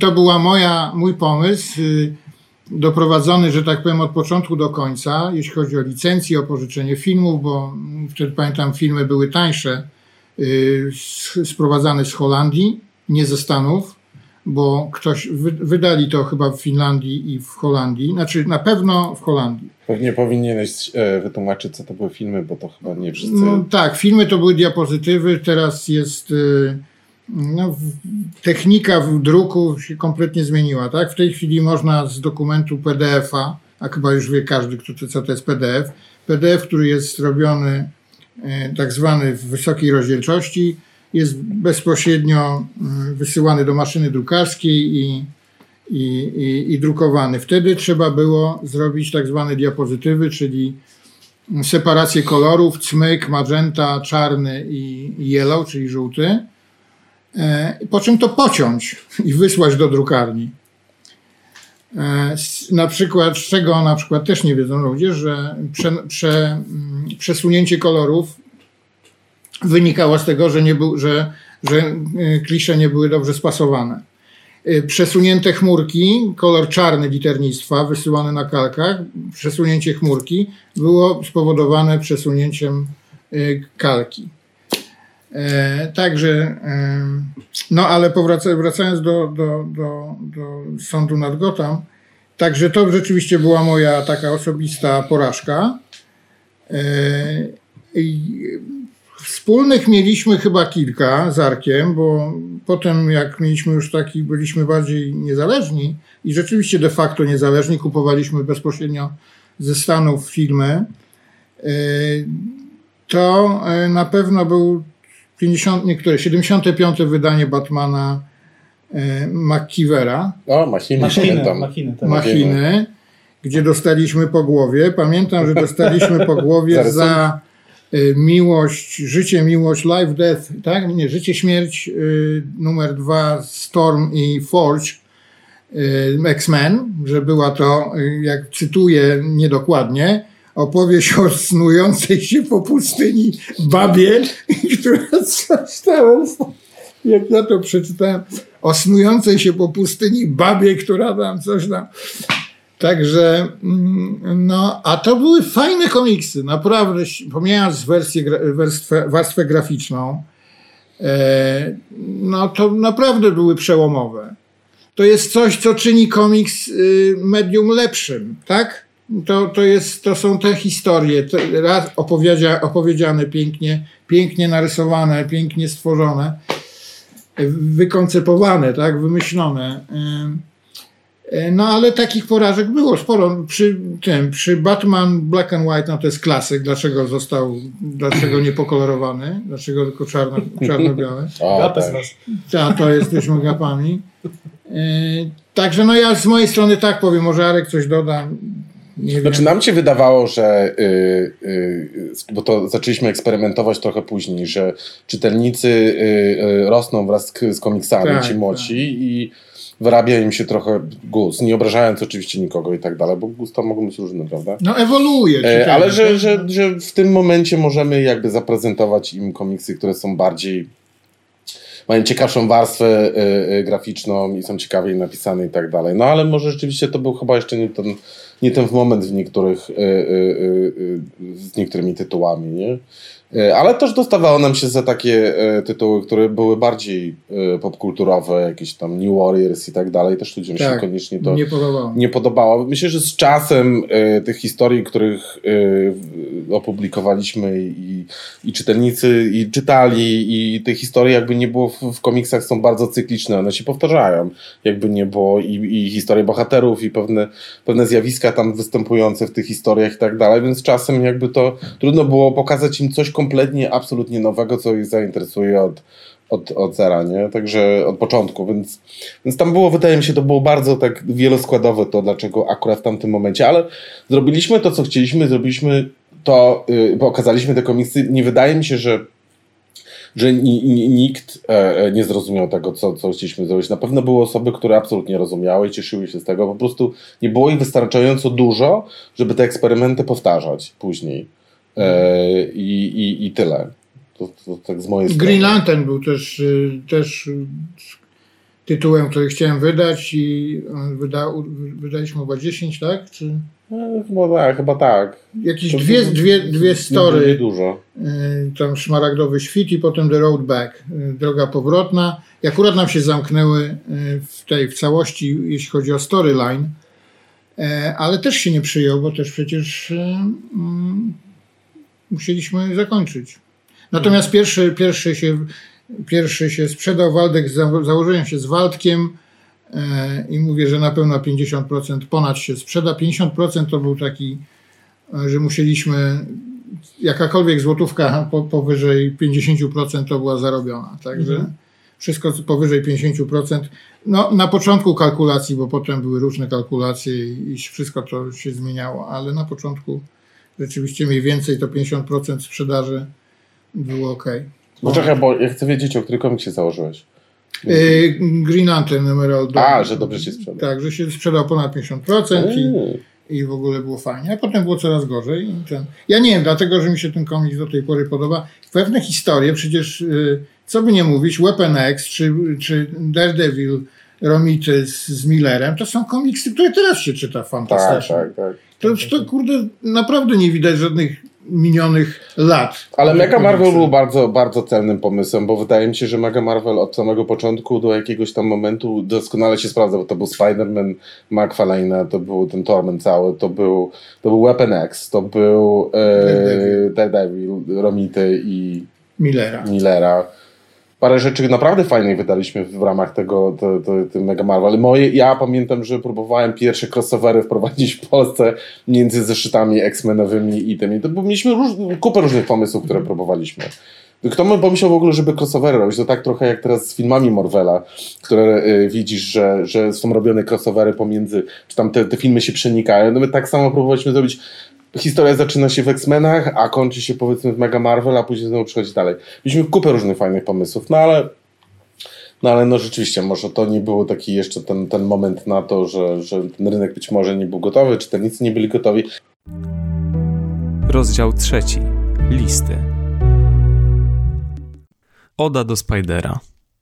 Spiderze, łazisz po ścianie, ale czyś zjadł śniadanie? Gdy porannego posiłku nie zjesz, zlecisz ze ściany. Czy o tym nie wiesz? I jeszcze drugi wiersz, oda do Punishera. O, pani szerze, tyś okrutny, ale twój koniec będzie smutny. Bandyci upieką cię narożnie, boś postępował nieostrożnie. To są wiersze, no, dzisiaj pewnie pana Krzysztofa, wtedy po prostu Krzysztofa Kasprowicza z Poznania i jeden z wielu listów, które trafiły do redakcji TM Semik. Ten akurat jeszcze pochodzi z czasów tych krakowskich, kodemowskich. Y, zahaczyliśmy też o to, że y, TM Semik miało jakąś taką funkcję i, i moc y, tworzenia społeczności. E, no i była już mowa o Arku Wróblewskim i o tym, że ta jego historia z TM Semikiem się poniekąd zaczęła od korespondencji, ale przede wszystkim poza tym, że Arek Wróblewski w TM Semiku pełnił rozmaite istotne funkcje, to był osobą od korespondencji właśnie. E, no i prowadził te strony klubowe na łamach poszczególnych serii. One się rozmaicie nazywały tam. W Supermanie były chyba kartki ze stali, nie? Tak. Strony ze stali jakoś tak. Stro, czy strony ze stali, mm. tak. Był, tytułował się mm, mianem Marvel Arka, czy tam Bat Arka. No rozmaite, rozmaite aliasy. No i to jest coś, co może oczywiście przywodzić na myśl tego typu strony klubowe, które e, prowadził w amerykańskich edycjach Marvela Stan Lee. E, no i można by podejrzewać, że tutaj doszło do jakiejś takiej, wiesz, bardzo bezpośredniej inspiracji, ale ten wątek TM semikowy był, mam wrażenie, jakiś taki bardzo indywidualny i własny i miał jakiś taki e, swój charakter. Zresztą e, zarówno Arek, jak i Marcin e, tego typu wersje potwierdzają, więc posłuchajmy, jak oni wspominają tworzenie tych stron klubowych. Listy były przepisy, w ogóle listy były nie tylko nieredagowane, były przepisywane dokładnie chyba nawet tak były, jak były napisane z błędami i tak dalej i one były przypisywane na jakimś takim starym Macintoshu, pamiętam, pierwszym edytorze tekstowym e, e, Macintosh ten, który ja dostałem, laptop. pamiętam, tak, taki niby laptop, który ważył prawdopodobnie laptop, wi laptop więcej niż ten stół, na, przy, przy, którym, przy którym siedzimy e, i jak, jak pisałem na nim, to moja mama strasznie się denerwowała, bo strasznie klikał tak głośno i tak klik, klik, klik. Ja siedziałem i tak przepisywałem te listy. A później wysyłałem jeszcze, to jeszcze było później, bo wcześniej to wysyłałem wysyłałem, wysyłałeś, nie, dostawałem te listy od ciebie z ciekawostek takich faksem do Szczecina.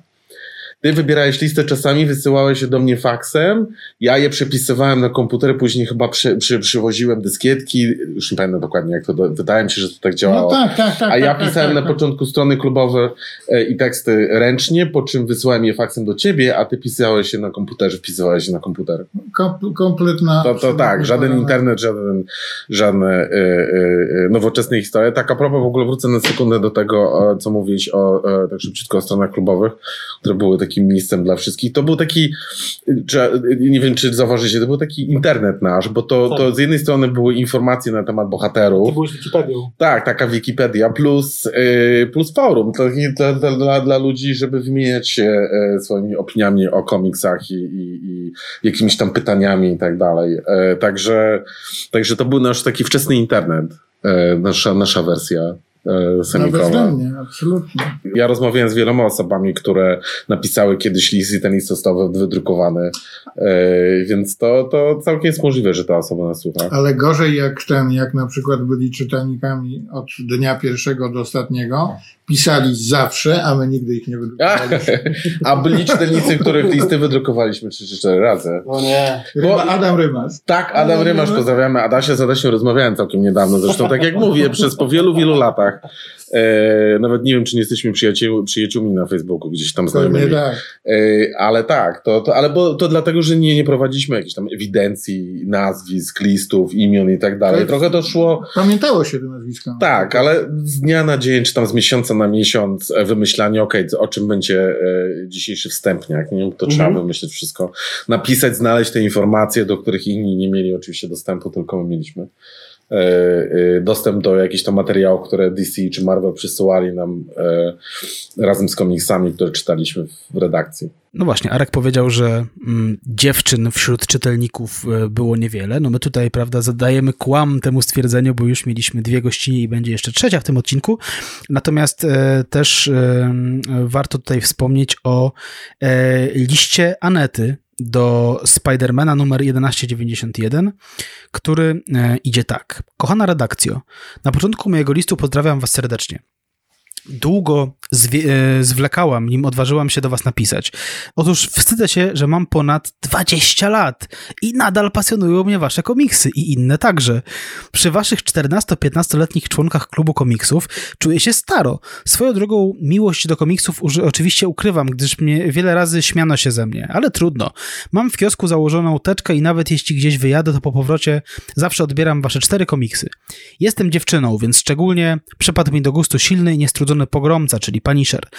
Mam kłopoty, gdyż zakupione komiksy muszą, muszę chować, żeby je nie widziała moja mama. To jest, czytam jak jest napisane. Um, złości się na mnie, gdyż e, mało zarabiam. Dokładnie ostatnia wypłata 529 400 zł. Pani podała swoją wypłatę ostatnio. Tak. 529 400 zł, no to jest minus 4 zera, tak? To jest 52,90. Tak. E, I wydaję na komiksy i książki. Także starcza mi tylko na e, pół miesiąca pieniędzy. Ale nie będę was zanudzała swoimi kłopotami. Mogę was zapewnić, że wasze komiksy są 100 razy więcej warte niż kosztują. Zaoszczędzę wam słów uznania. Wiem, że dostajecie ich masę. Na koniec mojego listu życzę wam zdrowia i jak największych nakładów. Z poważaniem wasza stała czytelniczka Aneta. Więc tak, więc były jakieś kobiety, to już jest koniec listu, były jakieś kobiety, które czytały e, komiksy TM Semik. Tutaj oczywiście mm, Marvel Arek e, na stronach Arachnopoczty e, odpisał, że kochana Aneto, tam naprawdę wspaniały, twój list sprawił mi wiele radości i, tak dalej, i tak dalej. I na, na, jeszcze dodatkowy dowód na, na, na, to, że, że TM Semik to nie byli tylko chłopcy, mamy wspomnienie e, Kai Klimek, krytyczki filmowej. Wydawnictwo TM Semik Cóż za wspomnienie. Szczerze mówiąc, e, kiedy nawet słyszę tę nazwę, to od razu coś się odpala. E, odpala się właściwie super początek lat 90. Jesteśmy w Rabce, w której częściowo się wychowywałam. Tam mieszkali moi dziadkowie.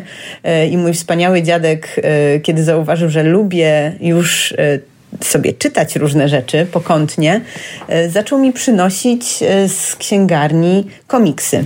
E, które kupował tam rano. E, ja je czytałam szybciutko i następnego dnia, albo jeszcze nawet tego samego dnia po południu, wracał do tej księgarni i mówił: Wnuczka już to zna, wnuczka już to ma, pomyliłem się, e, muszę wymienić na coś innego. No i właśnie wśród tych komiksów z tamtych czasów był między innymi Spider-Man. Jeden konkretny zeszyt. Już niestety nie pamiętam, co to było i mój research trochę kuleje w tym wypadku, ale był to taki numer i taki zeszyt o Spider-Man Spider-Manie, gdzie na samym końcu była taka galeria kobiet ważnych w życiu Spidermana. I tam pojawiały się oczywiście Mary Jane i różne bohaterki i różne przeciwniczki, bo oczywiście również ciotka, e, więc wspaniałe rzeczy i tam one wszystkie miały dla jakiś przekaz dla tego Spidermana. I oczywiście byłam wtedy małą dziewczynką i myślałam sobie, wow, ile on zna w ogóle fantastycznych różnych bohaterek. E, ciekawe, czy każda z nich będzie miała swoją własną historię. Więc tak to zapamiętałam. To wydawnictwo właśnie było takim e, pierwszym e, kontaktem dla mnie i dla bardzo wielu innych osób e, z superbohaterami. Nie znaliśmy przecież tego wcześniej, ale przyznam szczerze, mimo że lubiłam te opowieści, to Spider-Man powrócił do księgarni na półeczkę, a komiksami, które z tamtych czasów ze mną zostały bardziej, może niż te superbohaterskie, e, są komiksy o Torgalu, bo właśnie kiedy dziadek przyniósł z księgarni ponad krainą cieni e, rosyjskiego Iwan Hama i ja mając te 6 lat, trochę za wcześnie chyba, e, bo przeglądałam i poczytałam ten komiks, to stwierdziłam, to zostaje. Spider-Man wtedy nie został, ale zdecydowanie dzisiaj jest jednym z tych moich ulubionych superbohaterskich chłopaków i tak, i te komiksy z tamtych czasów y, z komiksami TM Semik na czele pamiętam y, i mam w serduszku i zawsze kiedy słyszę tę nazwę, to właściwie czuję taką y, lekką falę nostalgii za, za tymi początkami. Także takie są moje skojarzenia i tak, chyba wejdę na Allegro i zacznę szukać tego komiksu. Nie wiem, czy uda mi się go znaleźć, ale może, może, kto to wie. Pozdrawiam. Kaja Klimek, krytyczka filmowa i popkulturalna, czyli Kajutex. E, wracając do stron klubowych, do listów. No właśnie, klub to naprawdę było, było jakieś takie, mam wrażenie, bezpieczne i przyjemne miejsce dla e, rozmaitych fanów, fanek komiksów, którzy mieli jakieś rozmaite też wątpliwości związane z tym, czy wypada, czy może trochę siara, czy jestem za stary i tak dalej. No, często bywało tak, ja miałem tego typu sytuacje jako dziecko, że nie miałem wokół, wśród znajomych, wśród kolegów, których, których na szczęście jakiś tam miałem, nie miałem za bardzo mm, fanów komiksów, czytelników e, i myślę, że sporo osób, szczególnie z niewielkich miast miało tego typu problem, więc e, no tam rzeczywiście ta, ta, ta siła korespondencji w 90 była ogromna i tam podawano adresy i naprawdę masa ludzi wymieniała się po prostu listami i rozwijała jakieś takie swoje pasje i to są oczywiście um, bardzo wesołe wątki.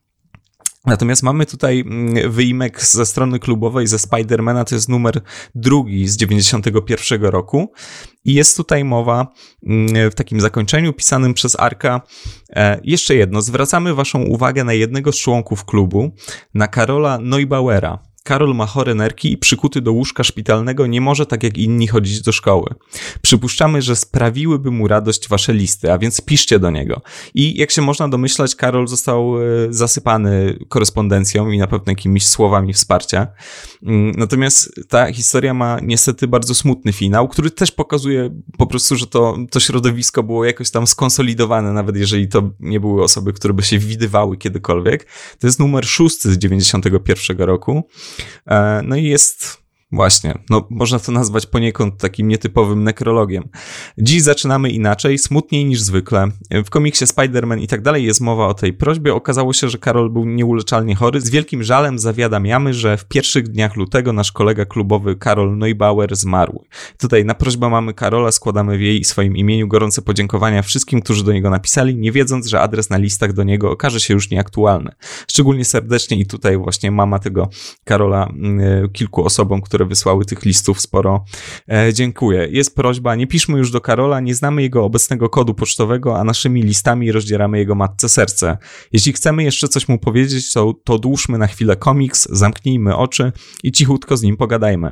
Ja też na chwilę odkładam pisanie dla was. No więc jest to dosyć mocna rzecz. Tak, nie spodziewalibyśmy się tego typu rzeczy w prasie, nie ma co ukrywać, więc ten stopień intymności jest tutaj naprawdę, naprawdę duży, tym bardziej, że wspomniany chłopiec jest wymieniony z imienia i z nazwiska, także no, jest to smutna i ciekawa rzecz, mam wrażenie. Na szczęście nie zawsze mm, listy do, do, do, do redakcji TM Semik e, dotyczyły mm, tak strasznych, tragicznych wydarzeń i kwestii ostatecznych. Czasami to po prostu były niezwykle urocze, zabawne z perspektywy czasu.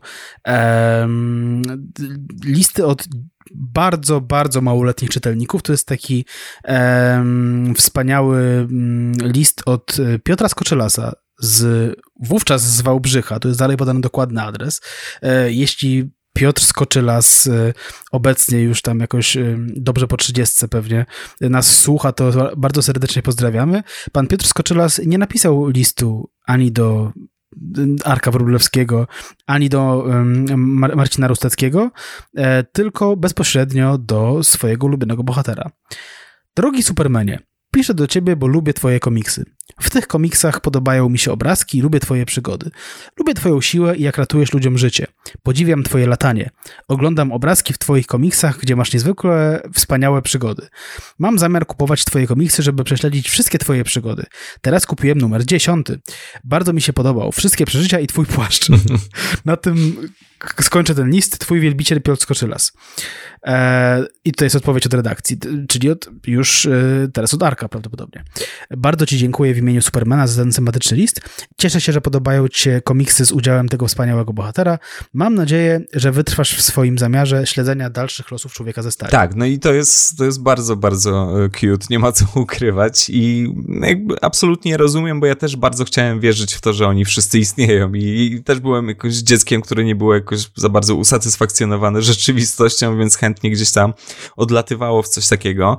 E, mamy tutaj osobę jeszcze młodszą i to bardzo dobrze pokazuje, e, że no właśnie wobec e, jakby braku jakiejś takiej superbohaterskiej amerykańskiej przeszłości, jeżeli chodzi o wydawanie komiksów w Polsce, te strony klubowe pełniły taką funkcję informacyjną, były jakimś takim kompendium wiedzy, tym bardziej, że tutaj ekipa z TM dostawała jakieś takie dosyć szczegółowe biuletyny z DC czy z Marvela i pisze mm, Piotrek, który ma 8 lat e, i chodzi do drugiej klasy. Proszę bardzo o napisanie, jak powstał Hydroman i kiedy wyjdzie następny numer komiksu z doktorem Octopusem. No i tutaj Arek e, odpowiada, że na spotkanie z doktorem Octopusem musisz poczekać i tak dalej, i tak dalej i opowiada o tym, jaka była e, tutaj geneza Hydromana, więc no tak, no w sytuacji, w której nie masz zupełnie jakby innych możliwości, żeby się czegoś dowiedzieć na temat tego uniwersum, to zostaje ci tylko to, co w TM Semiku, w komiksach, ale w razie czego może zapytać jeszcze Arka, bo, bo on po prostu zna temat i to jest bardzo, bardzo fajne w tym wszystkim. Tak, zna temat na takim bardzo dużym poziomie szczegółowości. Tu jest list od Mirka Zielińskiego.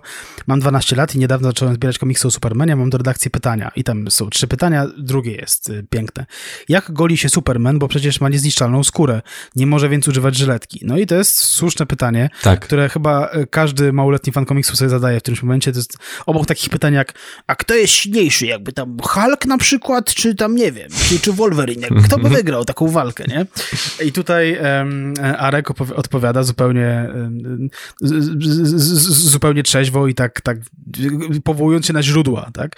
No cóż, Mirku, aby się tego dowiedzieć, musisz cofnąć się do numeru 1.91, gdzie pokazane jest, jak Clark goli swój zarost dzięki swojemu termowzrokowi. E, promienie cieplne odbite od kawałka metalu z jego kryptońskiego statku skierowane na brodę wypalają jego super zarost. Jeśli kiedyś zacznie się golić, pamiętaj, Superman ma więcej kłopotów z wykonywaniem tej czynności niż ty. Swoją drogą, czy to ma sens z tym goleniem się odbijając ten promień prawda, laserowy od ten... Nie jestem pewien, nie jestem pewien. Jakby. To jest oczywiście odpowiedź, wiesz, ze źródła, tak, samego, ale nie. Wiesz co, nie byliśmy nigdy w takiej sytuacji, nie?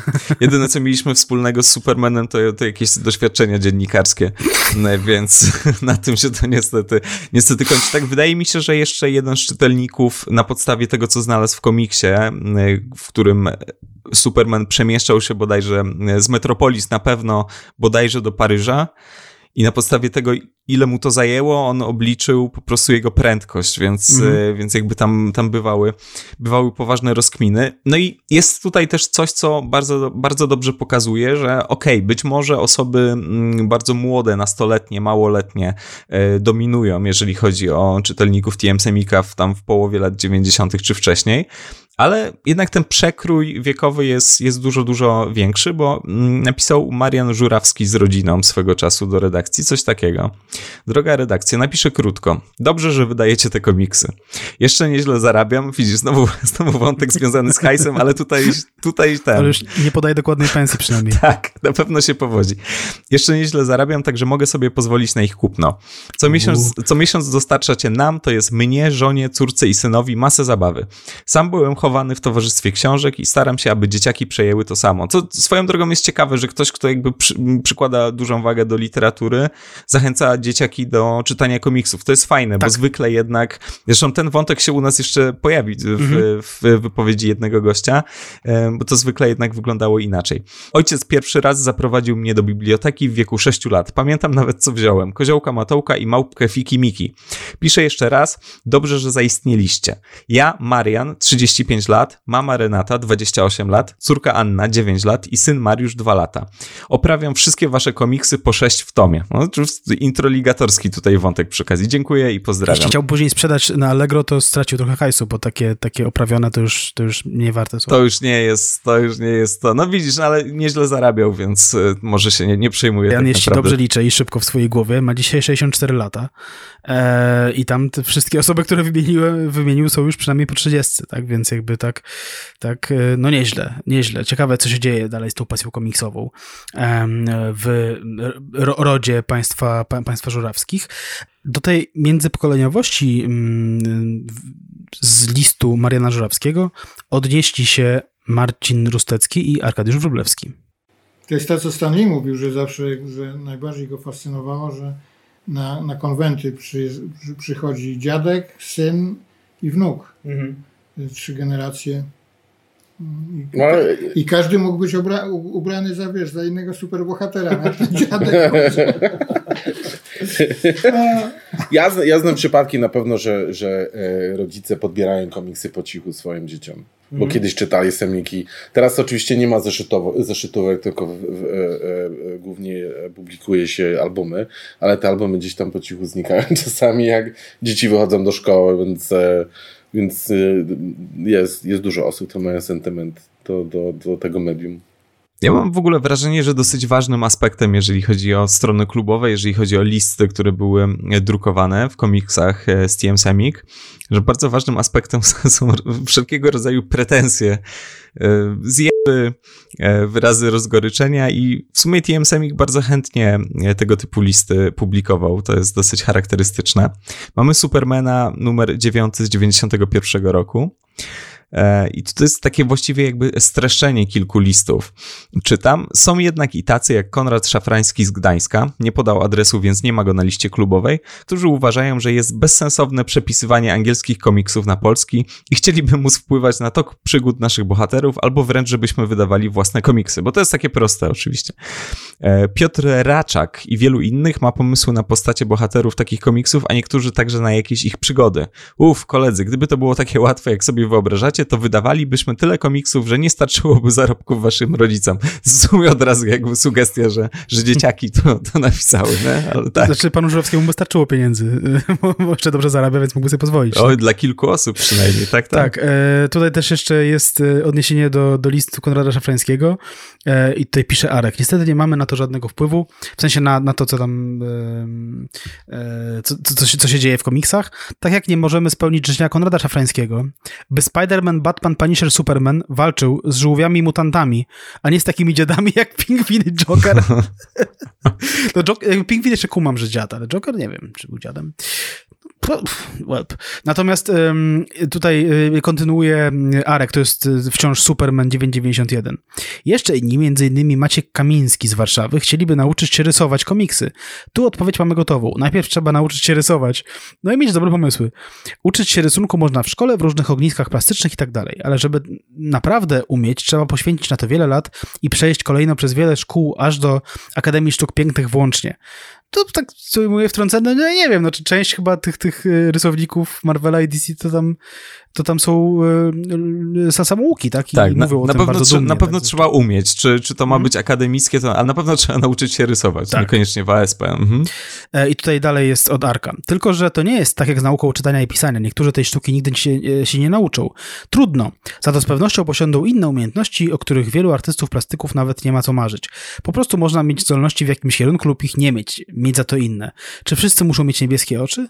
Kończy, kończy Arek. Więc tak, tutaj był trochę coachingu z komiksów TMC. No tak, jeżeli chodzi o korespondencję taką tradycyjną, papierową, to, to różnie bywało. Ona była bardzo ważna w TM Semiku, ale no, nie, nie każdy sobie dobrze radził z tego typu tematem i pojawił się w jednym z numerów taki apel do roztargnionych. Słowa, podawajcie dokładnie i wyraźnie swoje imię, nazwisko i adres, najlepiej drukowanymi literami i z kodem pocztowym. Jeśli mieszkasz w Warszawie, a zapomnisz podać kodu, to jeszcze nie zmartwienie. Sami, sami znajdziemy w spisie. Brak w spisie oznaczał nową ulicę i tak dalej. Ale jeśli mieszkasz w Toruniu, to ze spisu możemy się tylko dowiedzieć, że możesz mieć kod 87100, 87101 aż do 87111. Który numer kodu ma twoja ulica?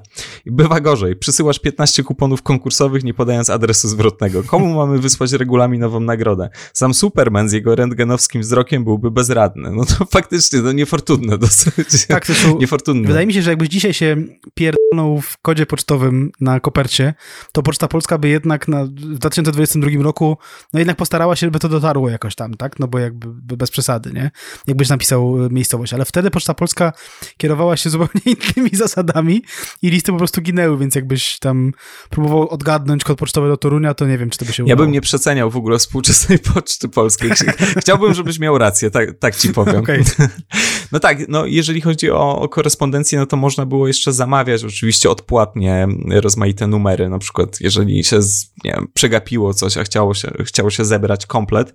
E, to są fajne rzeczy. Jeśli chcecie otrzymać brakujące numery, e, to zróbcie to i to, nie, nieważne. Punkt trzeci apelu do roztargnionych. Nie przysyłajcie nam pieniędzy na zamawiane komiksy. Po pierwsze, nie wiadomo, czy akurat mamy jeszcze na składzie potrzebny ci numer. Po drugie, przys przysyłasz 10 tysięcy, należy ci się reszta. Jak mamy ją wydać, jeśli koszt przekazu, ba, listu jest wyższy od tej reszty? To wspaniałe, że ktoś wysyłał niewyliczone. To pan mi wyda tam. O te wszystkie zapominalskie gapy zapytaliśmy Marcina Rusteckiego. A, znaczy to było spychane na administrację, no, na, na, na naszą główną księgową i, i cały dział administracji, który się zajmował prenumeratą. No nie mogliśmy się jeszcze ty, tym zajmować, Mhm. wiesz, to po prostu pewnie się oddawało, wiesz, no zróbcie coś z tym, bo my nie jesteśmy w stanie tego ogarnąć. A, a wiesz, no to przeróżne historie, no. Y, tak, no, tego typu, ale na przykład y, mam, mam wszystkie kupony, a nie, w liście nie było żadnego. Coś takiego, wiesz, że zapominali po prostu te kupony włożyć. No, y, tu w ogóle jest historia ciekawa, dlatego że przez lata nam zarzucano, że oszukaliśmy ludzi, bo nie było samochodu do wygrania, tak? A było tak, było, że najpierw było BMW, Mam ten konkurs tutaj. BMW 300 23 kabriolet. 23 kabriolet i to była, to była e, samochód elektryczny. I ludzie, i to był samochód elektryczny dla, dla dziecka. Zresztą było chyba nawet zdjęcie, ktoś to wygrał. Ja Ale to mogę, słuchajcie, przepraszam, dopowiem. Świąteczny konkurs TM Semik. To jest rok, to jest grudzień 91 roku, czyli wy już obaj byliście, Tak. działaliście. Pierwsza nagroda samochód BMW 323 kabriolet. Ja też myślałem, że to jest samochód, bo napisałem to chyba ten problem. Napisałem what the fuck BMW. Druga nagroda radiomagnetofon, trzecia nagroda 10 Walkmanów. Aha, to rozumiem, że 10 trzecich nagród, a nie niektórzy dostali Tak, 10 tak, tak, tak. Druga czwarta nagroda, dwie rakiety tenisowe firmy Dunlop. tak jest. E, Ten Staszek był, zdaje się, jakimś e, agentem. Tak, firmy tak, tak. Tak czy inaczej, e, po tym samochodzie, jak zobaczyli, że to jest e, samochód zabawka, to następny konkurs z Fiatem e, Cinquecento myśleli, że znowu, że damy im jakiś model taki, wiesz, e, w skali 1 do 100, mhm. a to był prawdziwa, prawdziwa bryka. Mhm. To była prawdziwa bryka, wygrana przez czytelnika, zdjęcia porobione. Musi być gdzieś w jakichś komiksach to zdjęcie, bo mm, ale tak czy inaczej ludzie, którzy jakoś nie doczytali, czy im umknęło, myśleli, że znowu robimy jakąś, jakąś akcję ściemę z samochodem, ale to był już absolutnie samochód kupiony, nówka, sztuka. I zresztą fajna nagroda, wiesz, no wtedy wózek taki, jakby nie mówić, no, może nie BMA, ale wolałbym prawdziwy niż elektryczny. A nie było czegoś takiego, że y, niektórzy czytelnicy nie chcieli niszczyć swoich komiksów, wycinać tych rogów, więc je kserowali? Też było coś takiego. Kserowali e, Przysyłali ksero. albo kupowali następny, żeby mieć jed... Ach, podwójne tak. egzemplarze, ci, którzy mieli pieniądze, bo te komiksy nie były wbrew pozorom tanie, tak? E, No przecież to, co nie ukrywajmy, no ym, te komiksy głównie kupowali rodzice dzieciom, tak? Mhm. To był taki wiek, że, że, że no skąd? No to były jakieś pieniądze. To też były tragedie, że na przykład e, po latach, a, nie chcieli mi kupić tego Mhm. komiksu, albo już na to im zabrakło. Wiesz, no to dzieciaka, wiesz, no potem się naprawdę mieliśmy tych miesięczników i dwumiesięczników sporo i trzeba było, żeby wszystko zebrać, kasy kupę. Co Mhm. potem zresztą się przerodziło w, w autodestrukcję, tak czy inaczej, dlatego że zjedliśmy ogon własny, no ale Mówiłem o tych pretensjach, e, no i one były rozmaite, no bo czasami dotyczyły jakby integralności danej historii. Nie zawsze były tak absurdalne, jak to, że, że dany bohater nie, nie walczy z tym bohaterem, ale walczy z tym, z jakimś dziadem. E, No, niektóre rzeczy dotyczyły właśnie integralności tych zeszytów, no i tego, że, że musieli się tutaj panowie e, i panie w sumie, bo tak nie, nie ograniczajmy tylko do, do dwóch osób e, całego TM Semik, musieli się zmagać z tą materią e, i dlatego poprosiliśmy też Arka o krótki komentarz dotyczący tych fanowskich pretensji. I to akurat wiem, obecnie jest ogromnym problemem dla wielu czytelników, miłośników Semika, którzy są starsi, dostają w tej chwili y, albumy takie w całości, w całości, nawet z pobocznymi historiami, bez względu na to, czy mają wspólnego cokolwiek z tymi y, y, tomami, czy nie, ale po prostu mają, bo to jest taki kolekcjonerski taki y, oni tak to kochają, że to, to, to, to każdy element musi tam być, nie może być nic wycięte, więc dostaję się trochę po łapach od tych ludzi, na zasadzie, a Arek pewnie wycinał w ogóle to niepotrzebnie i i tak dalej. No ale to, to, to akurat to musieliśmy to robić, bo, bo mieliśmy tylko o, określoną e, ilość stron i, i te historie trzeba było jakoś tak e, e, w jednym, w jednym tytule ogarnąć, ponieważ w Ameryce było 7 tytułów i tak dalej, to takie różne dodatkowe rzeczy. Rozdział czwarty. Schyłek. TM Semik był wydawnictwem, e, które rozpoczęło się wraz z latami 90., latami 90., które e, początkowo e, były znakomite dla komiksu amerykańskiego, a później zmieniły się w absolutny koszmar, który nieomal doprowadził do, do, do, do, do końca Marvela i DC. Na to, że, że, że, że ten rynek komiksu amerykańskiego mm, właściwie był w stanie takiego rozkładu przez, przez, przez ileś lat. E, złożyło się bardzo wiele czynników, e, ale tutaj jakby nie, ten odcinek nie jest o tym, dlaczego, e, dlaczego kryzys dosięgnął prawda, Marvela i DC. Natomiast wpłynęło to na to, że mm, ten, ten, ten wybór komiksów amerykańskich, który dochodził do polskich czytelników poprzez CM Semik, mm, był momentami trochę ryzykowny. Tak? Tutaj wspomniałem wcześniej o tym, że e, że, że, że był wydawany ten Batman Nightfall, który trwał tak naprawdę przez dwa czy trzy lata tak naprawdę i jeśli, nie no, dwa lata tak mniej więcej, nie? Jeśli czytelnik e, wszedł gdzieś w połowie tego Nightfalla, to kompletnie nie mm. wiedział, co się dzieje, no bo tutaj w ogóle co, Batman w ogóle na wózku jeździ, tak? Ma brodę, inny Batman jakiś tam zabija przestępców, w ogóle nie ma sensu nic, tak? To nie jest to, co ja widziałem u Tima Bartona, tak? Jeszcze większym koszmarem, który chyba tak, no był dużym takim ciosem dla wydawnictwa, była saga klonów e, Spidermana, tak. e, która ciągnęła się jeszcze dłużej i była, i też przy okazji dodatkowo, bo je, jest dziś jedną z najgorzej e, ocenianych historii opowieści o Spider-Manie w całej, całej historii tej postaci, tak? E, no i TM Semik był zmuszony to wydawać, dlatego że Saga Klonów was a w latach 90. i ciężko było Marcinowi Rustyckiemu, czy Arkowi Wróblewskiemu, czy komukolwiek z e, TM Semik przewidzieć, że za 15 lat to będzie wspominane jako totalny i e, zupełnie rozciągnięty, mm, e, rozciągnięta po prostu buła, tak? W związku z czym TM Semik zaczął wchodzić w nowe potencjalne źródła zarobku, między innymi komiksy japońskie, albumy z naklejkami, Panini, tak, to włoska firma, z którą TM Semik podpisał umowę, e, czy też podręczniki do RPG. Tutaj mówię o trzech podręcznikach do Advanced Dungeons and Dragons, które wyszły w Polsce właśnie e, dzięki TM Semik. E, podpytaliśmy o te dodatkowe rzeczy mm, Marcina i Jarka. Albumy z nalepkami, była cała spora sekcja sportowa z NBA, z koszykówką. Komiksy dla dzieci? Komiksy coś dla, dziewczynek i tak dalej? Jakieś tak, Barbie, Sailor Moon i tak dalej. Sailor Moon pamiętam, że był bardzo, to był ogromny Właśnie. hit.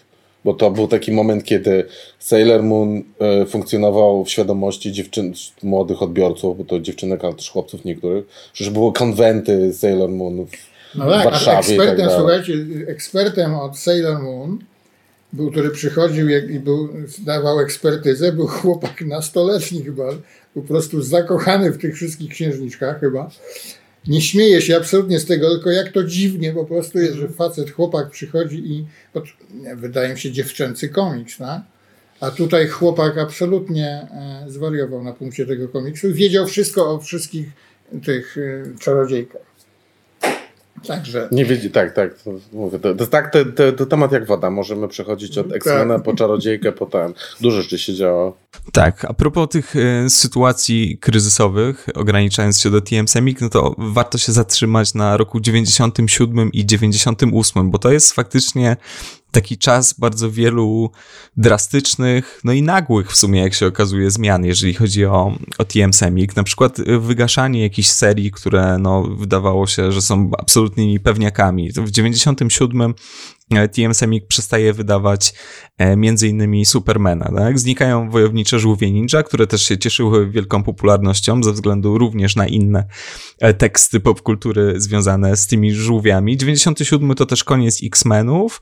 No i co? Mamy jeszcze mm, połączenie Batmana i Supermana. Tak? Batman też zostaje, przestaje być wydawany. W 97 zaczyna wychodzić magazyn Batman i Superman i tam historie tych obu bohaterów są połączone w jednym zeszycie zeszycie, czyli takim pod, podwójnym, o ile dobrze pamiętam, nie? To, potrójnym. To potrójnym Coś tam były dwa zeszyty z Batmanem e, i jeden z Supermanem, Aha. ile się nie mylę. Nie chcę się poprawić, jeśli to jest Jasne. nieprawda. No i Batman i Superman sobie wychodzi do 98 roku, tak samo jak Spider-Man i tam się dzieje jakaś dziwna rzecz, można by to w ten sposób określić, mianowicie Pamiętacie być może, jeżeli czytaliście rzeczy z TM Semik, że no, gdzieś na końcu pojawiają się zapowiedzi na przykład kolejnych numerów i w Spider-Manie z 98 jest zapowiedź kolejnego numeru, który nigdy nie zostanie wydany, więc może się wydawać, że to jest po prostu jakiś moment naprawdę absolutnego rozpadu, jakiegoś gaszenia, gaszenia pożarów. Dlaczego do tego doszło i jak wyglądało radzenie sobie z kryzysem albo zarządzanie kryzysem, jakbyśmy to nazwali?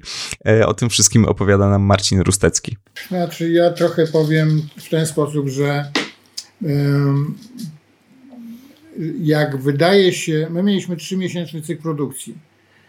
E, I, a zakontraktowane mieliśmy tytuły na rok. I działaliśmy e, po prostu na, mm, na zasadzie planu wydawniczego. I nie mogliśmy przypuszczać, że coś się zwali za pół roku. I że cały nasz plan wydawniczy mm, szlak trafi, mówiąc kolokwialnie. Także e, ty wiesz, zapowiedzi, nowe tytuły i tak dalej, no w momencie, kiedy wiesz, braliśmy sprawę po prostu tak, jak ona była. Przyjmowaliśmy mm, z dniem dzisiejszym, czyli na owe czasy, tak? E, powiem ci tak szczerze, że to jakby tak ogarnąć, to no to nie, ta cała, ten cały, mm, nazwijmy to upadek, chociaż to brzmi dramatycznie, e, trwał parę lat. E, pomysł w momencie, kiedy nie pamiętam, czy super nam się chyba zaczął sypać, no to pomysł, słuchajcie, no to zróbmy jeden 68-stronicowy zeszyt. Paniszerz zaczął się sypać, no to zróbmy grubszy, ale czarno-biały. I to były pomysły, które po prostu, no wiesz, konfronto... była konfrontacja z problemem, tak? E, w momencie, kiedy nam coś takiego wyrastało przed oczami, no to musieliśmy na to reagować. E, co dalej można na ten temat powiedzieć? Dla, dla mnie to są tak oczywiste rzeczy, że wiesz, w momencie, kiedy masz e, półroczny, znaczy roczny plan wydawniczy, jakieś tam pieniądze, wiesz, właściciele, tam już zaczęło się coś tam sypać z Semikiem. Weźmy pod uwagę, że Semik został sprzedany e, Egmontowi. Jeden koncern wielki zostaje wklejony w drugi, tak?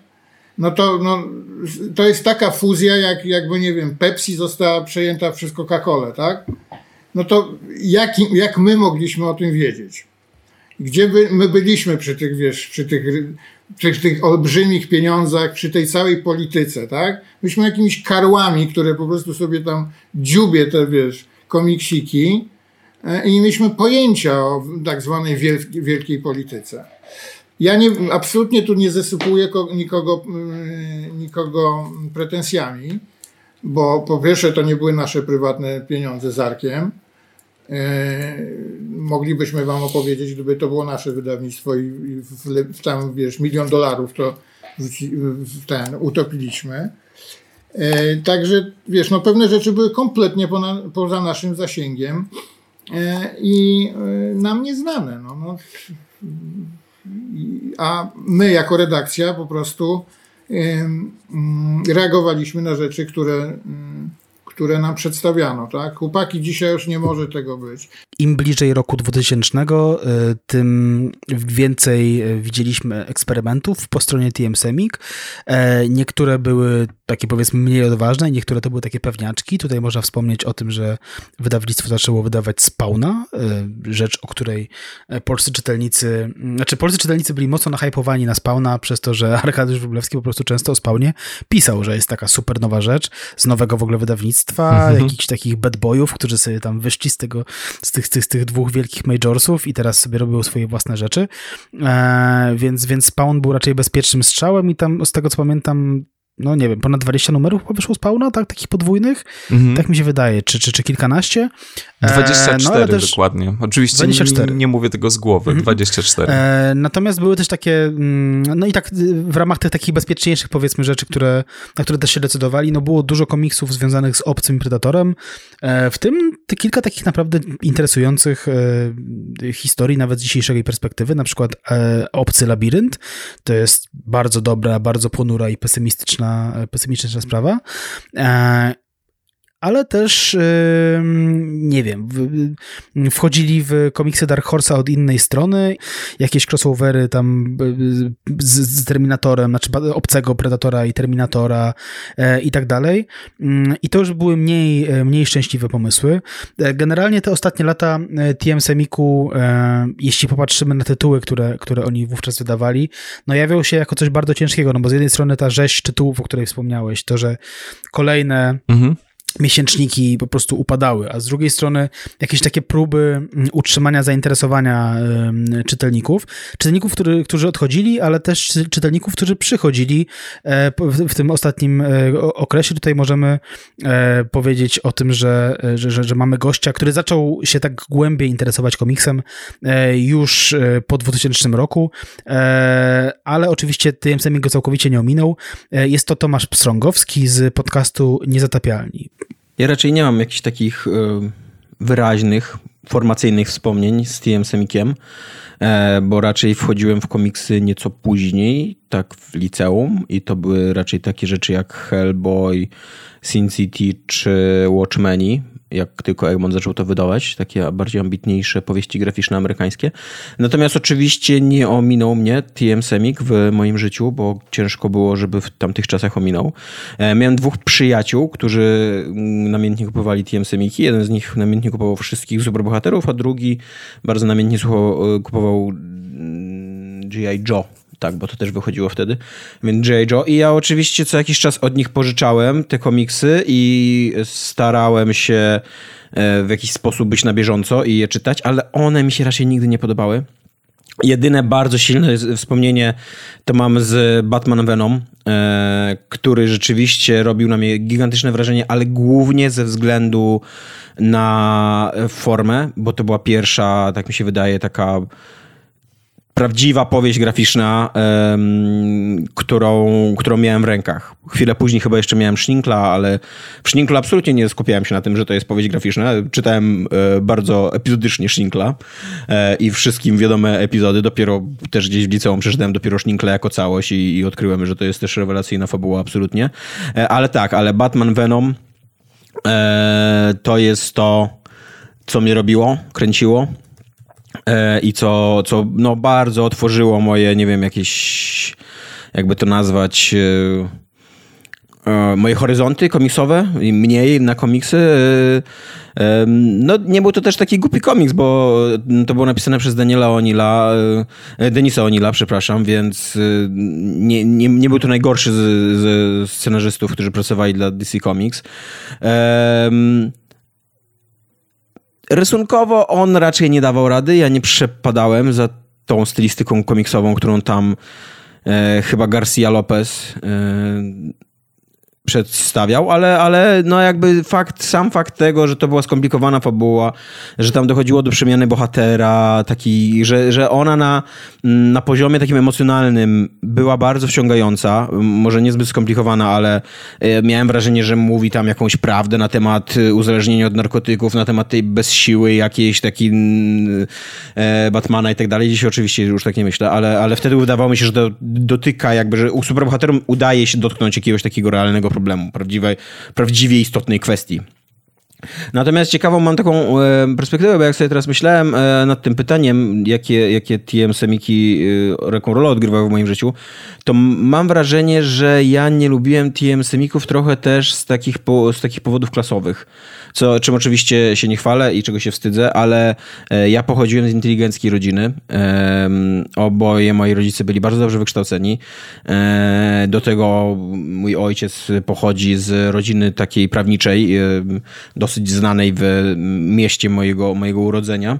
E, więc mi się zawsze wydawało, natomiast ci moi koledzy, którzy się interesowali TM-semikami, oni raczej pochodzili e, z klasy ludowej, zwłaszcza ich rodzice. I, i mm, zwłaszcza jeden z nich to był kolega, który się przeprowadził tak w połowie jakby naszej, istnienia naszej paczki podwórkowej i on był z małego miasta i, i to bardzo było widać i my na to bardzo długo zwracaliśmy uwagę, bo byliśmy bez, bezdennie głupimi dziećmi.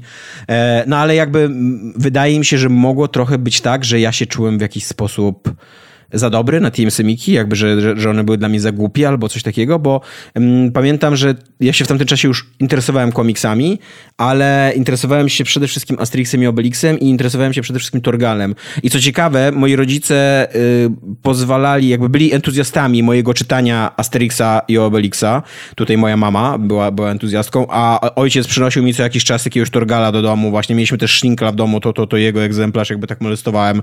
E, więc pod tym względem jakby to było ok, to było na poziomie, ale za każdym razem jak y, chciałem kupić TMC Mika jakiegoś, bo coś mnie tam zainteresowało albo coś, to rodzice bardzo mi mówili, że bardzo mi od, od, odżegnywali od tego, mówili, że nie ma pieniędzy, że, że nie warto e, i tak dalej. I nawet pamiętam taką scenę, jak kiedyś e, będąc u babci, mama mi dała jakieś pieniądze, żebym właśnie sobie kupił jakąś gazetkę i, i nie, nie, nie, nie jej nad głową. Ja kupiłem TM Semika Wróciłem i mama spojrzała na to tak, że o, co to za gówno jest w ogóle, co nie? E, a ja powiedziałem, że no, że nie, nie, jest jeszcze nowy Asterix, ale nie stać mnie było na niego, bo za mało pieniędzy dałaś. No i mama mi wtedy dała więcej pieniędzy, powiedziała, żebym zwrócił tego TMC Micha i żebym wziął Asterixa. Asterix to jest zupełnie inna liga i, i to jest taka, nie wiem, edukacyjna rozrywka i absolutnie na nią nie szkoda jej pieniędzy i tutaj mądrzejszy i pełniejszy i wspanialszym, i wspanialszą istotą ludzką wyjdę e, z tej lektury Asterixa. No tak, no i rodzice naszego gościa to nie były jedyne osoby, które gdzieś tam sceptycznie do, do tematu komiksu superbohaterskiego podchodziły, no bo jednak postaci no, bardzo istotne dla no, dla właśnie dla polskiego fandomu, rozumianego w rozmaity sposób, w rodzaju redaktora Parowskiego, też na początku istnienia TM Semik, kiedy zorganizowano taką imprezę promującą e, i po sali biegał gość w stroju Spidermana, e, no też podchodzili do tego sceptycznie, ale też trochę na zasadzie, że to się nie uda, ale pewnie też trochę z pewną zazdrością związaną z tym, że oto jakaś taka powiedzmy popkulturowa pulpa, chociaż jak, jak wiemy doskonale komiks superhero bywa absolutnie wybitny, że to będzie wypierać jakieś inne, e, inne bardziej ambitne formuły. No i o tym też e, pisze Łukasz Kowalczuk w swojej, swojej książce, która jest poświęcona wyłącznie TM Semik, więc tutaj warto zaznaczyć, no bo to, że oczywiście korzystamy tutaj ze wspomnień naszych gości, którzy znają się na temacie, bo, bo tworzyli ten temat, to jest jedno, ale, ale tego typu e, pozycja oczywiście no, no nie umknęła naszej uwadze i bardzo wiele informacji, które które się tutaj pojawiły, pochodzi właśnie, e, właśnie stamtąd. E, mamy lata zerowe, mamy też czas rebrandingu, jakbyśmy dziś powiedzieli. W 2002 roku TMSMX zmienia nazwę na Fan Media. E, przy okazji, no właśnie, po drodze oczywiście zamknięto Mega Marvela i wydania specjalne, podejmowano jakieś inne próby w rodzaju, nie wiem, wydawano Top Comics na przykład, to też miało być coś jakby osobnego. Mm, jeszcze panowie mm, próbują jakichś nowych rozwiązań mm, związanych związanych po prostu z, materią dosłownie, no bo często mówiono o tym, że te TM semiki no, ze względu na ograniczone możliwości, że ten papier jest taki ten, że to tak się rwie, że to ten to taki żółty, dosyć tani, no to jakby wspomniany przez ciebie Spawn wychodził już na dużo lepszym papierze. Wildcats to, to było sześć zeszytów, ale też z Image Comics to też wychodziło na dużo lepszym papierze. E, no i, i tego typu próby mm, podejmowano, ale to, to było coś, co tak naprawdę mm, w żaden sposób e, nie uratowało wydawnictwa, bo też się poza tym, o czym mówiliśmy, też mówiłeś o tym komiksie, o tym kryzysie komiksu amerykańskiego, no to się zmieniał jednak odbiorca, zmieniał się rynek i jakby obecność rzeczy wideo i też gier wideo, ale mm, kwestia telewizyjna, internetowa, to zaczęło wszystko odgrywać coraz większą rolę, więc niezależnie od tego, jak atrakcyjnie by nie były wydawane te komiksy, no to no, nie miało to tak naprawdę znaczenia. To, to, to już był niestety koniec TM Semik po tych kilkunastu latach. O ten końcowy okres zapytaliśmy e, Marcina Jarka. Fan Media było, było próbą um, ucieczki z Semika. To były już pieniądze chyba Waldka, także um, on miał też znowu inny biznes, no ale żeby jeszcze robić komiksy, no to był Fan Media i um, ale fan media też się okazał za późno, za mało. Dla mnie fan media w momencie, kiedy bo to był mój pomysł, żeby z- zrobić e, mm, reissue, nie, jak to się po, wznowienie e, Czarniana, Lobo i miał być wydany ekskluzywnie. I ja mieszkałem już, znaczy ja wyjechałem na rok do Danii i nie miałem, że tak było poza, poza mną. Chociaż już internet był, już się komunikowaliśmy, no ale już nie byłem, że tak powiem, nie był to zespół jako taki. Yy, No i wydany został w, miękkiej okładce, taki wiesz, trochę na lepszym papierze i po prostu wydawało mi się to taką agonią. No nie, już to nie, tak nie powinno być, bo to powinno być, to już był komiks e, otoczony kultem. I jakby go wydać właśnie w jakiejś twardej oprawie, na świetnym papierze, być może mm, umarlibyśmy, ale w takim dobrym tonie. Takim, wiesz, z przytupem. No ale z drugiej strony wydanie go tak, jak został wydany, y, nie miało sensu. I nigdy bym nie podjął takiej decyzji. Także to, to tyle, jeśli w ogóle cię satysfakcjonuje ta odpowiedź. No, krążę tu, wiesz, jak, jak latawiec. No. Widać, że największym, no, moja teoria jest taka, największym sukcesem, największy sukces komiksu amerykańskiego okazał się jego największym, największą porażką. Zaczy- Komiks jako taki stał się absolutnie taki kolektor z item, kolektor właśnie tych 15 tysięcy wariant, wariant covers, tak dalej, do które teraz mam cały czas w domu I na pamiątkę, tak. Treść nie, nie- nie, była istotna, tylko y, posiadanie samego y, towaru. Rozumiesz? Czy to już na, całej esencji nie było w tym wszystkim. Y, To, ro, to, to rozmydlanie z historii typu Maksimum Carnage i tak dalej są cały czas do tej pory się tłumaczę, że ja nie rysowałem tych komiksów i my żeśmy ich nie wymyślali, tak? Tylko my kupowaliśmy licencje i coś takiego po prostu kupo- kupowaliśmy, tak? Potem Marvel się w ogóle roztrzaskał, tak? O, ska, o skały. E, no to wiesz, nie było, był kryzys rosyjski, o którym ludzie też zapominają. E, kryzys światowy. No, rzeczywiście, no wiesz, to, to, to była dekada, tak? Także przez tą dekadę mogą, mogą być różne wzloty i upadki. No to tak wiesz, zawsze świat jest tak, ekonomia światowa i tak dalej, ale bezwzględnie komiks amerykański upadł w którymś momencie. Przynajmniej dla mnie. Tam są jakieś w ogóle e, dodatkowe historie z rynkiem spekulacyjnym i tak dalej, jeśli chodziło o te...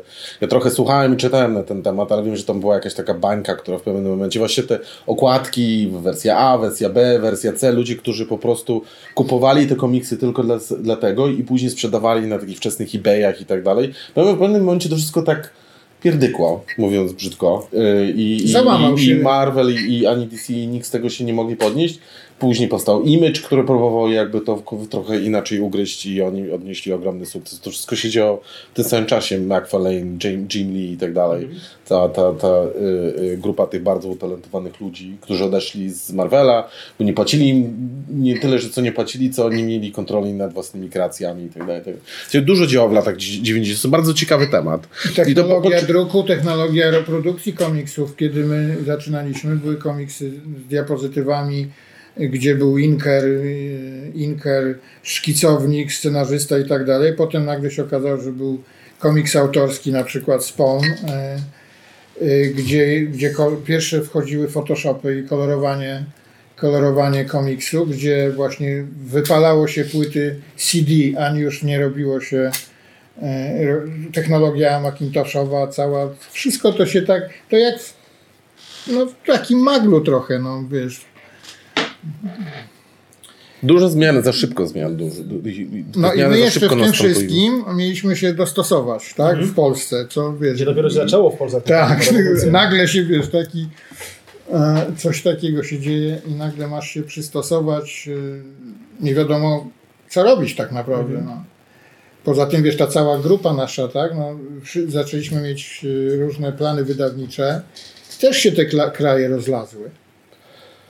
Węgrzy mieli własną historię, nie mówiąc, że wiesz, Szwecja, e, cały pomysł z Fantomem Szwecji, tak, który jest w ogóle postacią kultową, bohaterem od mm, kilkudziesięciu lat, tak, i tu nagle wchodzi Fantom do Polski z rysunkiem archaicznym, z, z historią archaiczną. S- wiesz, no to, no ale mniejsza o mniejszość. No. Także, no tak reasumując, rzeczywiście, no, wpadliśmy. Nie wiem, wiesz, no, w takich przypadkach są wiesz, zatrudniani ludzie, strategzy, tak? Wiesz, mm, szuka się jakichś, jakichś, wiesz, ludzi, którzy inwestują i tak dalej. No przecież Marvel, to, wiesz, to wielka ekonomia mm, w Stanach, no, o której nie mieliśmy zielonego pojęcia, a przede wszystkim nie mieliśmy takich, takich ale też przecież y, nie byłoby rzeczą kompletnie nieprawdopodobną, gdyby Marvel zniknął na zawsze. Tak. Prawda? Jak się czyta dzisiaj wspomnienia, świadectwa osób, które tam pracowały, No. po pierwsze wychodzi, że Stan Lee może nie był takim sympatycznym starszym panem, jak to się dzisiaj go lubi, lubią niektórzy przedstawiać, no bo to jednak był No przecież on dostał ten, on, o Spidermana się tam ten procesowali. z Ditką, tak. Tak. No, pomijając, tak, tak, no, no, ma, ma masakryczne historie. No. Także mm, no tak, tak było. Epilog. Byliśmy ciekawi, jak panowie wspominają e, TM Semik, czy też później Fan Media i czy może mają jakieś u, uczucie niedosytu w związku z wydawnictwem. Już co, y, y, dla mnie to w ogóle był trochę taki y, czas, kiedy ja dzieliłem Semik ze swoimi studiami, ze swoimi pierwszymi, ze przeprowadzką do Warszawy i tak dalej. Tam w moim życiu działo się bardzo dużo rzeczy. y, I Semik jakby był takim elementem, jakimś gdzieś tam, wręcz czasami działającym gdzieś tam w tle. Były takie momenty, kiedy byłem bardziej zaangażowany, byłem y, mniej zaangażowany, kiedy pamiętam już byłem na studiach, miałem egzaminy swoje, to trudno było jakby. Był taki moment, kiedy y, pamiętam, pracowałem jako nauczyciel w ciągu w tygodniu, jeździłem do, w środę do Warszawy, żeby rozmawiać z Marcinem, układać plany wydawnicze i tak dalej, a później w weekendy byłem w Poznaniu na studiach, więc to tak żyłem tak dosyć niebezpiecznie przez, przez rok między trzema miastami i w ogóle tak dalej. Także E, Także ja byłem. e, e, e, Ja. Znaczy, na pewno fajnie było, by- byłoby, gdyby to wszystko ładnie pociągnąć dalej, gdybyśmy mogli dalej to kontynuować i było mi bardzo smutno. e, Ja akurat e, tak mi się udało, że, że zacząłem pracować dla agencji licencyjnej więc te, te tematy gdzieś tam zahaczałem o te tematy Batmana, Supermana, Spidermana i tak dalej. E, Zresztą z jedną dziewczyną, z, z, z dziewczyną, z Gosią, która pracowała na samym początku Semika, więc to tak jakby zostałem gdzieś tam w jakiejś tam rodzinie. E, I, i e, fajnie byłoby, ale właściwie ja nie, nie, nie odczuwam jakiegoś takiego niedosytu. W sensie, że to, to miało taki swój naturalny koniec, wydaje mi się. E, I, i owszem, owszem, on trwał dosyć długo, ale, ale ale myślę, że, że takie, takie nastały czasy. Wszystko się jakoś tam kończy w którymś momencie, tak? Niektóre rzeczy też nie warto y, y, wiesz, ciągnąć w nieskończoność na siłę. E, Też musisz trochę ewoluować i zmieniać się jako osoba.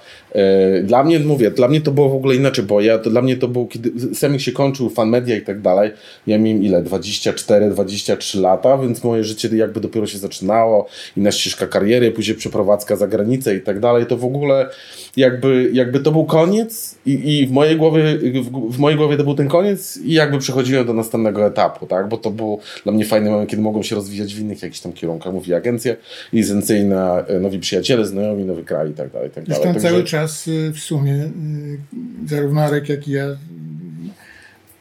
pracujemy w komiksach. No tak, bo był taki okres, kiedy niewiele się działo, ale wróciliśmy parę lat temu, ty wcześniej, bo ty właściwie zawsze miałeś gdzieś tam jakieś zahacza, zahaczałeś o komiksy.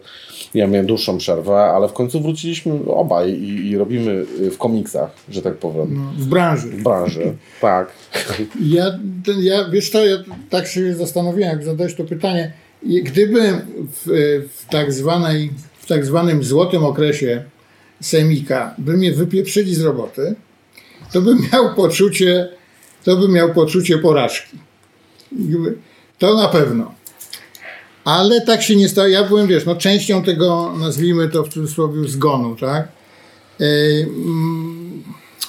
Ja już mówiłem o tym w wielu wywiadach, a wydaje mi się, że ja nie mam poczucia porażki. e, Nie mam też poczucia jakiegoś potwornego spełnienia. Bo to na tym się świat nie kończy. Y, fajnie jest, że mm, człowiek sobie na co dzień nie zdaje sprawy, ale fajnie jest, że, że to, co stworzyliśmy, absolutnie stało się częścią popkultury w Polsce y, na stałe.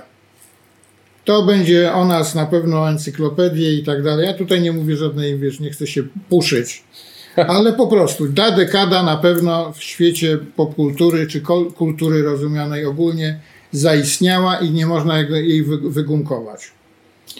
A tendencje są do wygumkowywania historii ostatnimi czasy.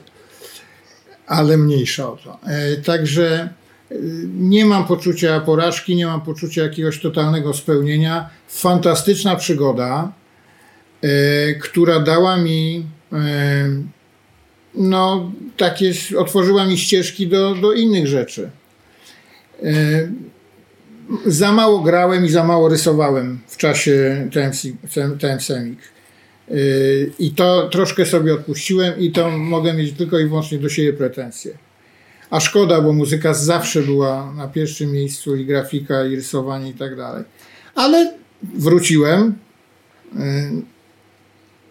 Cały czas rysuję, rysuję więcej niż rysowałem. Wydaję komiksy. Yy, Jestem częścią jakiegoś wydawnictwa. Stworzyliśmy z moim przyjacielem Dominikiem Szcześniakiem fajne wydawnictwo, y, na razie małe. Będziemy, mamy w planie dwa duże albumy mm, i fajnego wydawcę w przyszłym roku. Stron mamy ponad 200 zrobionych w kolorze. Także wiesz, y, nie Powiedz, jak, reasumując, jak się nazywa wydawnictwo? E, Wydawnictwo Zakład Komiksu. To jest takie nasze niszowe wydawnictwo. E, Na stronie, na, na tym mamy na Facebooku Zakład Komiksu. Tam wydajemy różne takie małe albumiki. E, Przysz, jeszcze nie mówię o wydawnictwie, nie, ale na pewno ben, chcemy, chcemy wydać dwa spore albumy grube w przyszłym tygodniu, także wydałem z Dominikiem już kilka, wydałem Dolores, Wydaliśmy Ksiądza, dwa tomy w 2012 i 2014. I to jest takie moje trochę dzieło życia, bo to był mój pomysł z Dominika historią opowiedzianą, znaczy on tak włożył w klamrę to, tą moją opowieść, y, czy powiedzmy naszą opowieść, y, według mojego pomysłu. Także mm, jeśli chodzi o ten semik, fantastyczna zabawa, świetne kontakty, znakomici ludzie. Mm, chwalę sobie naprawdę i wiesz, i przyjaźń z Arkiem, i, i kontakty z innymi ludźmi. Naprawdę, w, jeśli chodzi o ludzi, to jest rzecz, którą można żałować, bo byli tam naprawdę fantastyczni ludzie. Także taka moja skromna, skromne podsumowanie. Arek, a co dzisiaj u ciebie? E, No, tak jak wspomniałem przed chwilą, e, jeśli chodzi o sprawy zawodowe, e, wróciłem trochę do komiksów. Pracuję dla e, Mucha Comics. e, Trochę tłumaczę, dużo redaguję tych komiksów. Czasami sobie myślę, że fajnie byłoby mieć tą wiedzę, którą mam teraz. To 20 lat temu. E, Oczywiście, że wtedy podejmowałby być może jakieś tam powiedzmy mądrzejsze inne decyzje. Może, może nie, e, ale, ale i. Ale można było. Ale tak, było. y, y, tak, bo teraz więcej wiem oczywiście o biznesie, o biznesowej stronie, jakby Tak tego o jest. prawach. Co, tak jak co wspomniałem wcześniej, agencja licencyjna, czyli ja trochę działałem za, z- za płotka, sprzedając licencje i prawa i tak, więc poznałem wiele fajnych rzeczy i teraz jakby y, jest to wszystko jaśniejsze dla mnie i te decyzje są jakieś takie bardziej przemyślane, ale tak jak mówię, pracuję sobie na y, y, y, trudno to czy to pół etatu, jako taki freelancer powiedzmy, nie? E, mieszkam w, w, w Irlandii i tam mam normalną taką biurową pracę trochę w, w tygodniu, w 2-3 dni, żeby opłacić rachunki, a resztę robię po prostu komiksy z miłości. Bo, bo zawsze chciałem. Więc parę lat temu dosłownie znowu w taki sam sposób siadłem przed tym Facebookiem i napisałem do różnych wydawnictw hej, Arek Wróblewski potrzebuje pracować z komiksami znowu. I, i, i e, właścicielka wydawnictwa Mucha Comics, e, Christine Meyer, e, odpisała absolutnie od razu i, i robimy wspólnie rzeczy. Także, także, także ja sobie też wróciłem do komiksów, podobnie jak, nie tak jak Marcin od strony artystycznej i, i pisarskiej i tak dalej, ale od jakiejś tam No nie, nie, bo to ja literuję też komiksy, także to nie jest żadna ambitna praca i tak dalej. Ale mam sw- swój wkład w Muchę Komiks, bo zakładałem No tak. z Duńczykami, zakładaliśmy taką ma matkę firmę w, w Danii. Mm, Tam mieszkałem przez rok. E, Potem była, potem się ten Mucha Comics i tu a nagle Arek jest Mucha Comics. To wszystko, jak widzisz, to ma takie kurcze powiązania, że gdzieś się zawsze na końcu spotkamy. Może to tak, te lata 90. jakimś tam echem odbijają się to, co zrobiliśmy dalej. Tak, tak, E, dokładnie. Czy to w tym, czy to w kontaktach, e, tak jak mówię, ja staram się gdzieś tam e, e, uczestniczyć w dyskusjach, rozmowie na, na, e, e, i, i w różnych internetach, że tak powiem, Ale zobacz, jakie to się tak zmieniło, że dawniej, że tak powiem, em, z komiksu, znaczy czytelnik wchodził w kino, tak? Mhm. Znaczy to z komiksu wszystko. A teraz praktycznie ludzie, ludzie, którzy znają całe kinematografię Marvela, nie muszą wcale czytać komiksów. I często nie czytają Mhm. w ogóle. Tak. Tak, nie jest to zupełnie ze sobą powiązane. W naszych czasach było to absolutnie powiązane. Tak. Wszystko razem. No właśnie, e, Marcin powiedział, że nie trzeba już czytać komiksów, żeby orientować się w superbohaterszczyźnie. Ja miałem taką refleksję, jak byłem w kinie na filmie Avengers Endgame. E, obok mnie siedziała jakaś taka grupa, nie wiem, dwunastoletnich dziewczyn, które totalnie piszczały za każdym razem, kiedy, kiedy pojawiał się e, na ekranie Thor. No najwidoczniej to była grupa fanek Tora. Niemniej już sam fakt, że w ogóle widziałem młode dziewczyny w ogóle na filmie o Avengersach, to jest jakiś totalny znak tego, jak zmieniło się wszystko wokół nas. E, I kiedy ja czytałem komiksy w wieku właśnie 10 czy 12 lat, to e, w życiu w ogóle nie było żadnych e, moich rówieśniczek, które, e, które byłyby zainteresowane tą jakby tematem superbohaterszczyzny, a dzisiaj no, udało się amerykańskie wydawnictwa właśnie wyprowadzić od kryzysu lat 90. do momentu, w którym to są już takie absolutne ikony popkultury i w ogóle nie trzeba mieć nic wspólnego z komiksami, żeby na przykład nosić na piersi, nie wiem, logo Batmana, Supermana, Spidermana, Ironmana czy Tora, tak? E, d- d- Tutaj b- wchodzi właśnie wydawnictwo TM Semik e, całe na biało. Jeśli mówimy o, o, o mm, powiedzmy wypełnienie tego zapotrzebowania na superbohaterszczyznę, e, no właśnie w tak, takich czasach kryzysowych, kiedy to była jeszcze no, w, tej części Europy jednak, e, jednak nisza. E, tak jak powiedziała e, nasza gościni e, Katarzyna Czajka-Kominiarczuk, e, faktycznie TM Semik ma tutaj gigantyczne zasługi, jeśli chodzi o zapoznanie e, Polaków, polskich dzieci, polskich nastolatków w latach 90. z em, tematami e, superbohaterskimi, dzięki czemu e, no, my nie musieliśmy już wchodzić e, w, w, w ten temat zupełnie tak powiedzmy na, na ślepo, e, wtedy kiedy on zaczął się robić trochę bardziej mainstreamowy. Tak, pewną podstawę od nich dostaliśmy i chwała im za to i bardzo za to wydawnictwu dziękuję. Tak, zdecydowanie mieliśmy dzięki nim jakąś bazę i, i nie wchodziliśmy w to na ślepo. Tak jak mówiłeś, podejście do tematu się e, zmieniło. Te dwie największe stajnie amerykańskie, no jakby po rozmaitych kryzysach tak naprawdę wydźwignęły się i są absolutnymi graczami, jeżeli chodzi o, o popkulturę. Jednocześnie ja mam wrażenie i też pewnie jestem jakimś e, jednym z wielu dowodów pewnej tendencji, e, mianowicie jeżeli chodzi o po prostu czytanie komiksów w Polsce, komiksów superbohaterskich z Marvela, z DC, ale nie tylko,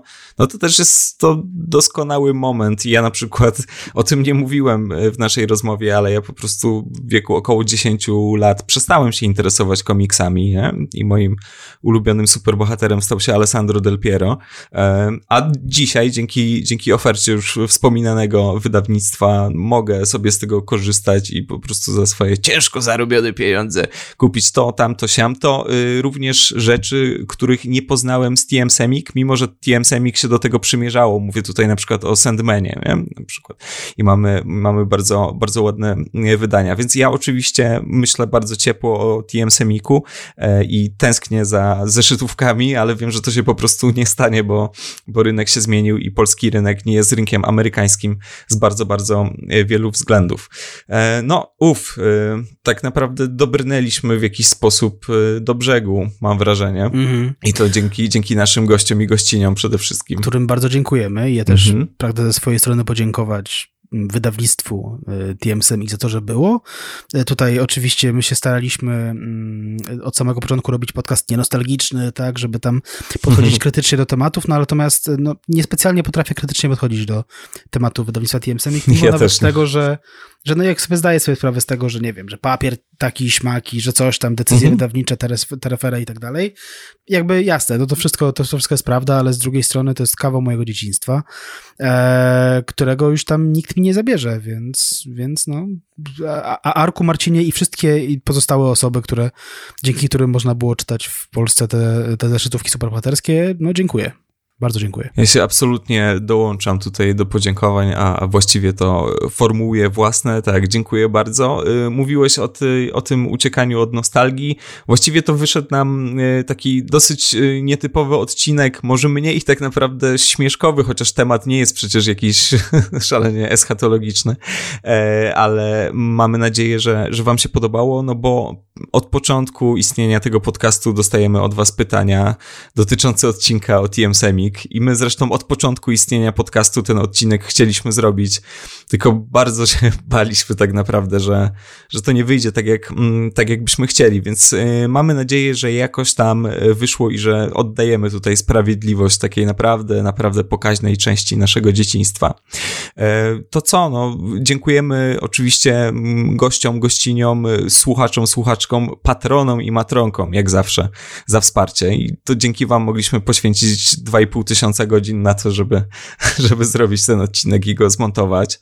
Czy, czy chciałbyś jeszcze coś dodać, Bartku, zanim tutaj oddamy po raz ostatni w tym odcinku głos naszym gościom? E, tak, no chciałbym jeszcze podziękować Łukaszowi Kowalczukowi za książkę TM mhm. Semik, -hmm. największe komiksowe wydawnictwo lat 90. w Polsce. To jest książka, której prawdopodobnie nie kupicie jakoś, znaczy nie znajdziecie jej jakoś łatwo, nie dostaniecie przynajmniej tam, może na Allegro po jakichś wysokich cenach, dlatego że mój egzemplarz z wydania pierwszego to jest jeden z 400 egzemplarzy, więc, więc prawdopodobnie jest to dzisiaj bardzo, bardzo kiepsko dostępne. Natomiast y, Łukasz Kowalczuk napisał książkę, która no, zebrała mnóstwo informacji, które, które gdzieś tam się um, plątały po różnych artykułach um, i wywiadach i tak dalej, i tak dalej. On to wszystko zebrał i ta książka rzeczywiście nam bardzo pomogła w tym, żeby ten odcinek wyglądał tak, jak wygląda. Wspaniale, no to słuchajcie, my się w takim razie żegnamy. Bardzo dziękujemy za uwagę i jeszcze taka niespodzianka na koniec. Marvel Arek ma wam coś do powiedzenia. Ja jeszcze chciałem tylko na koniec podziękować wszystkim naszym czytelnikom i którzy jeszcze, jeszcze kolekcjonują nasze komiksy, z którymi czasami rozmawiamy gdzieś tam na, na tak jak wspomniałem, na tych forach, ewentualnie w Facebooku, bo, bo to właściwie y, y, my zrobiliśmy swoją robotę, ale to też dzięki nim to wszystko zaistniało, bo gdyby to nie oni kupowali te komiksy i nie śledzili tych przygód i nie pasjonowali się nimi, nie pisali listów, no to, to bez nich też byśmy nie istnieli, więc, więc to, to był sukces jakby po dwóch stronach, to, to chciałem zauważyć na koniec, że to Pozdrawiamy to, Tak, pozdrawiamy, dziękujemy wszystkim, bo to, to, to ważne, chyba trzeba wspomnieć o tym. Podcast przygotowali Bartek Przybyszewski i Mateusz Witkowski. Czytał Tadeusz Drozda.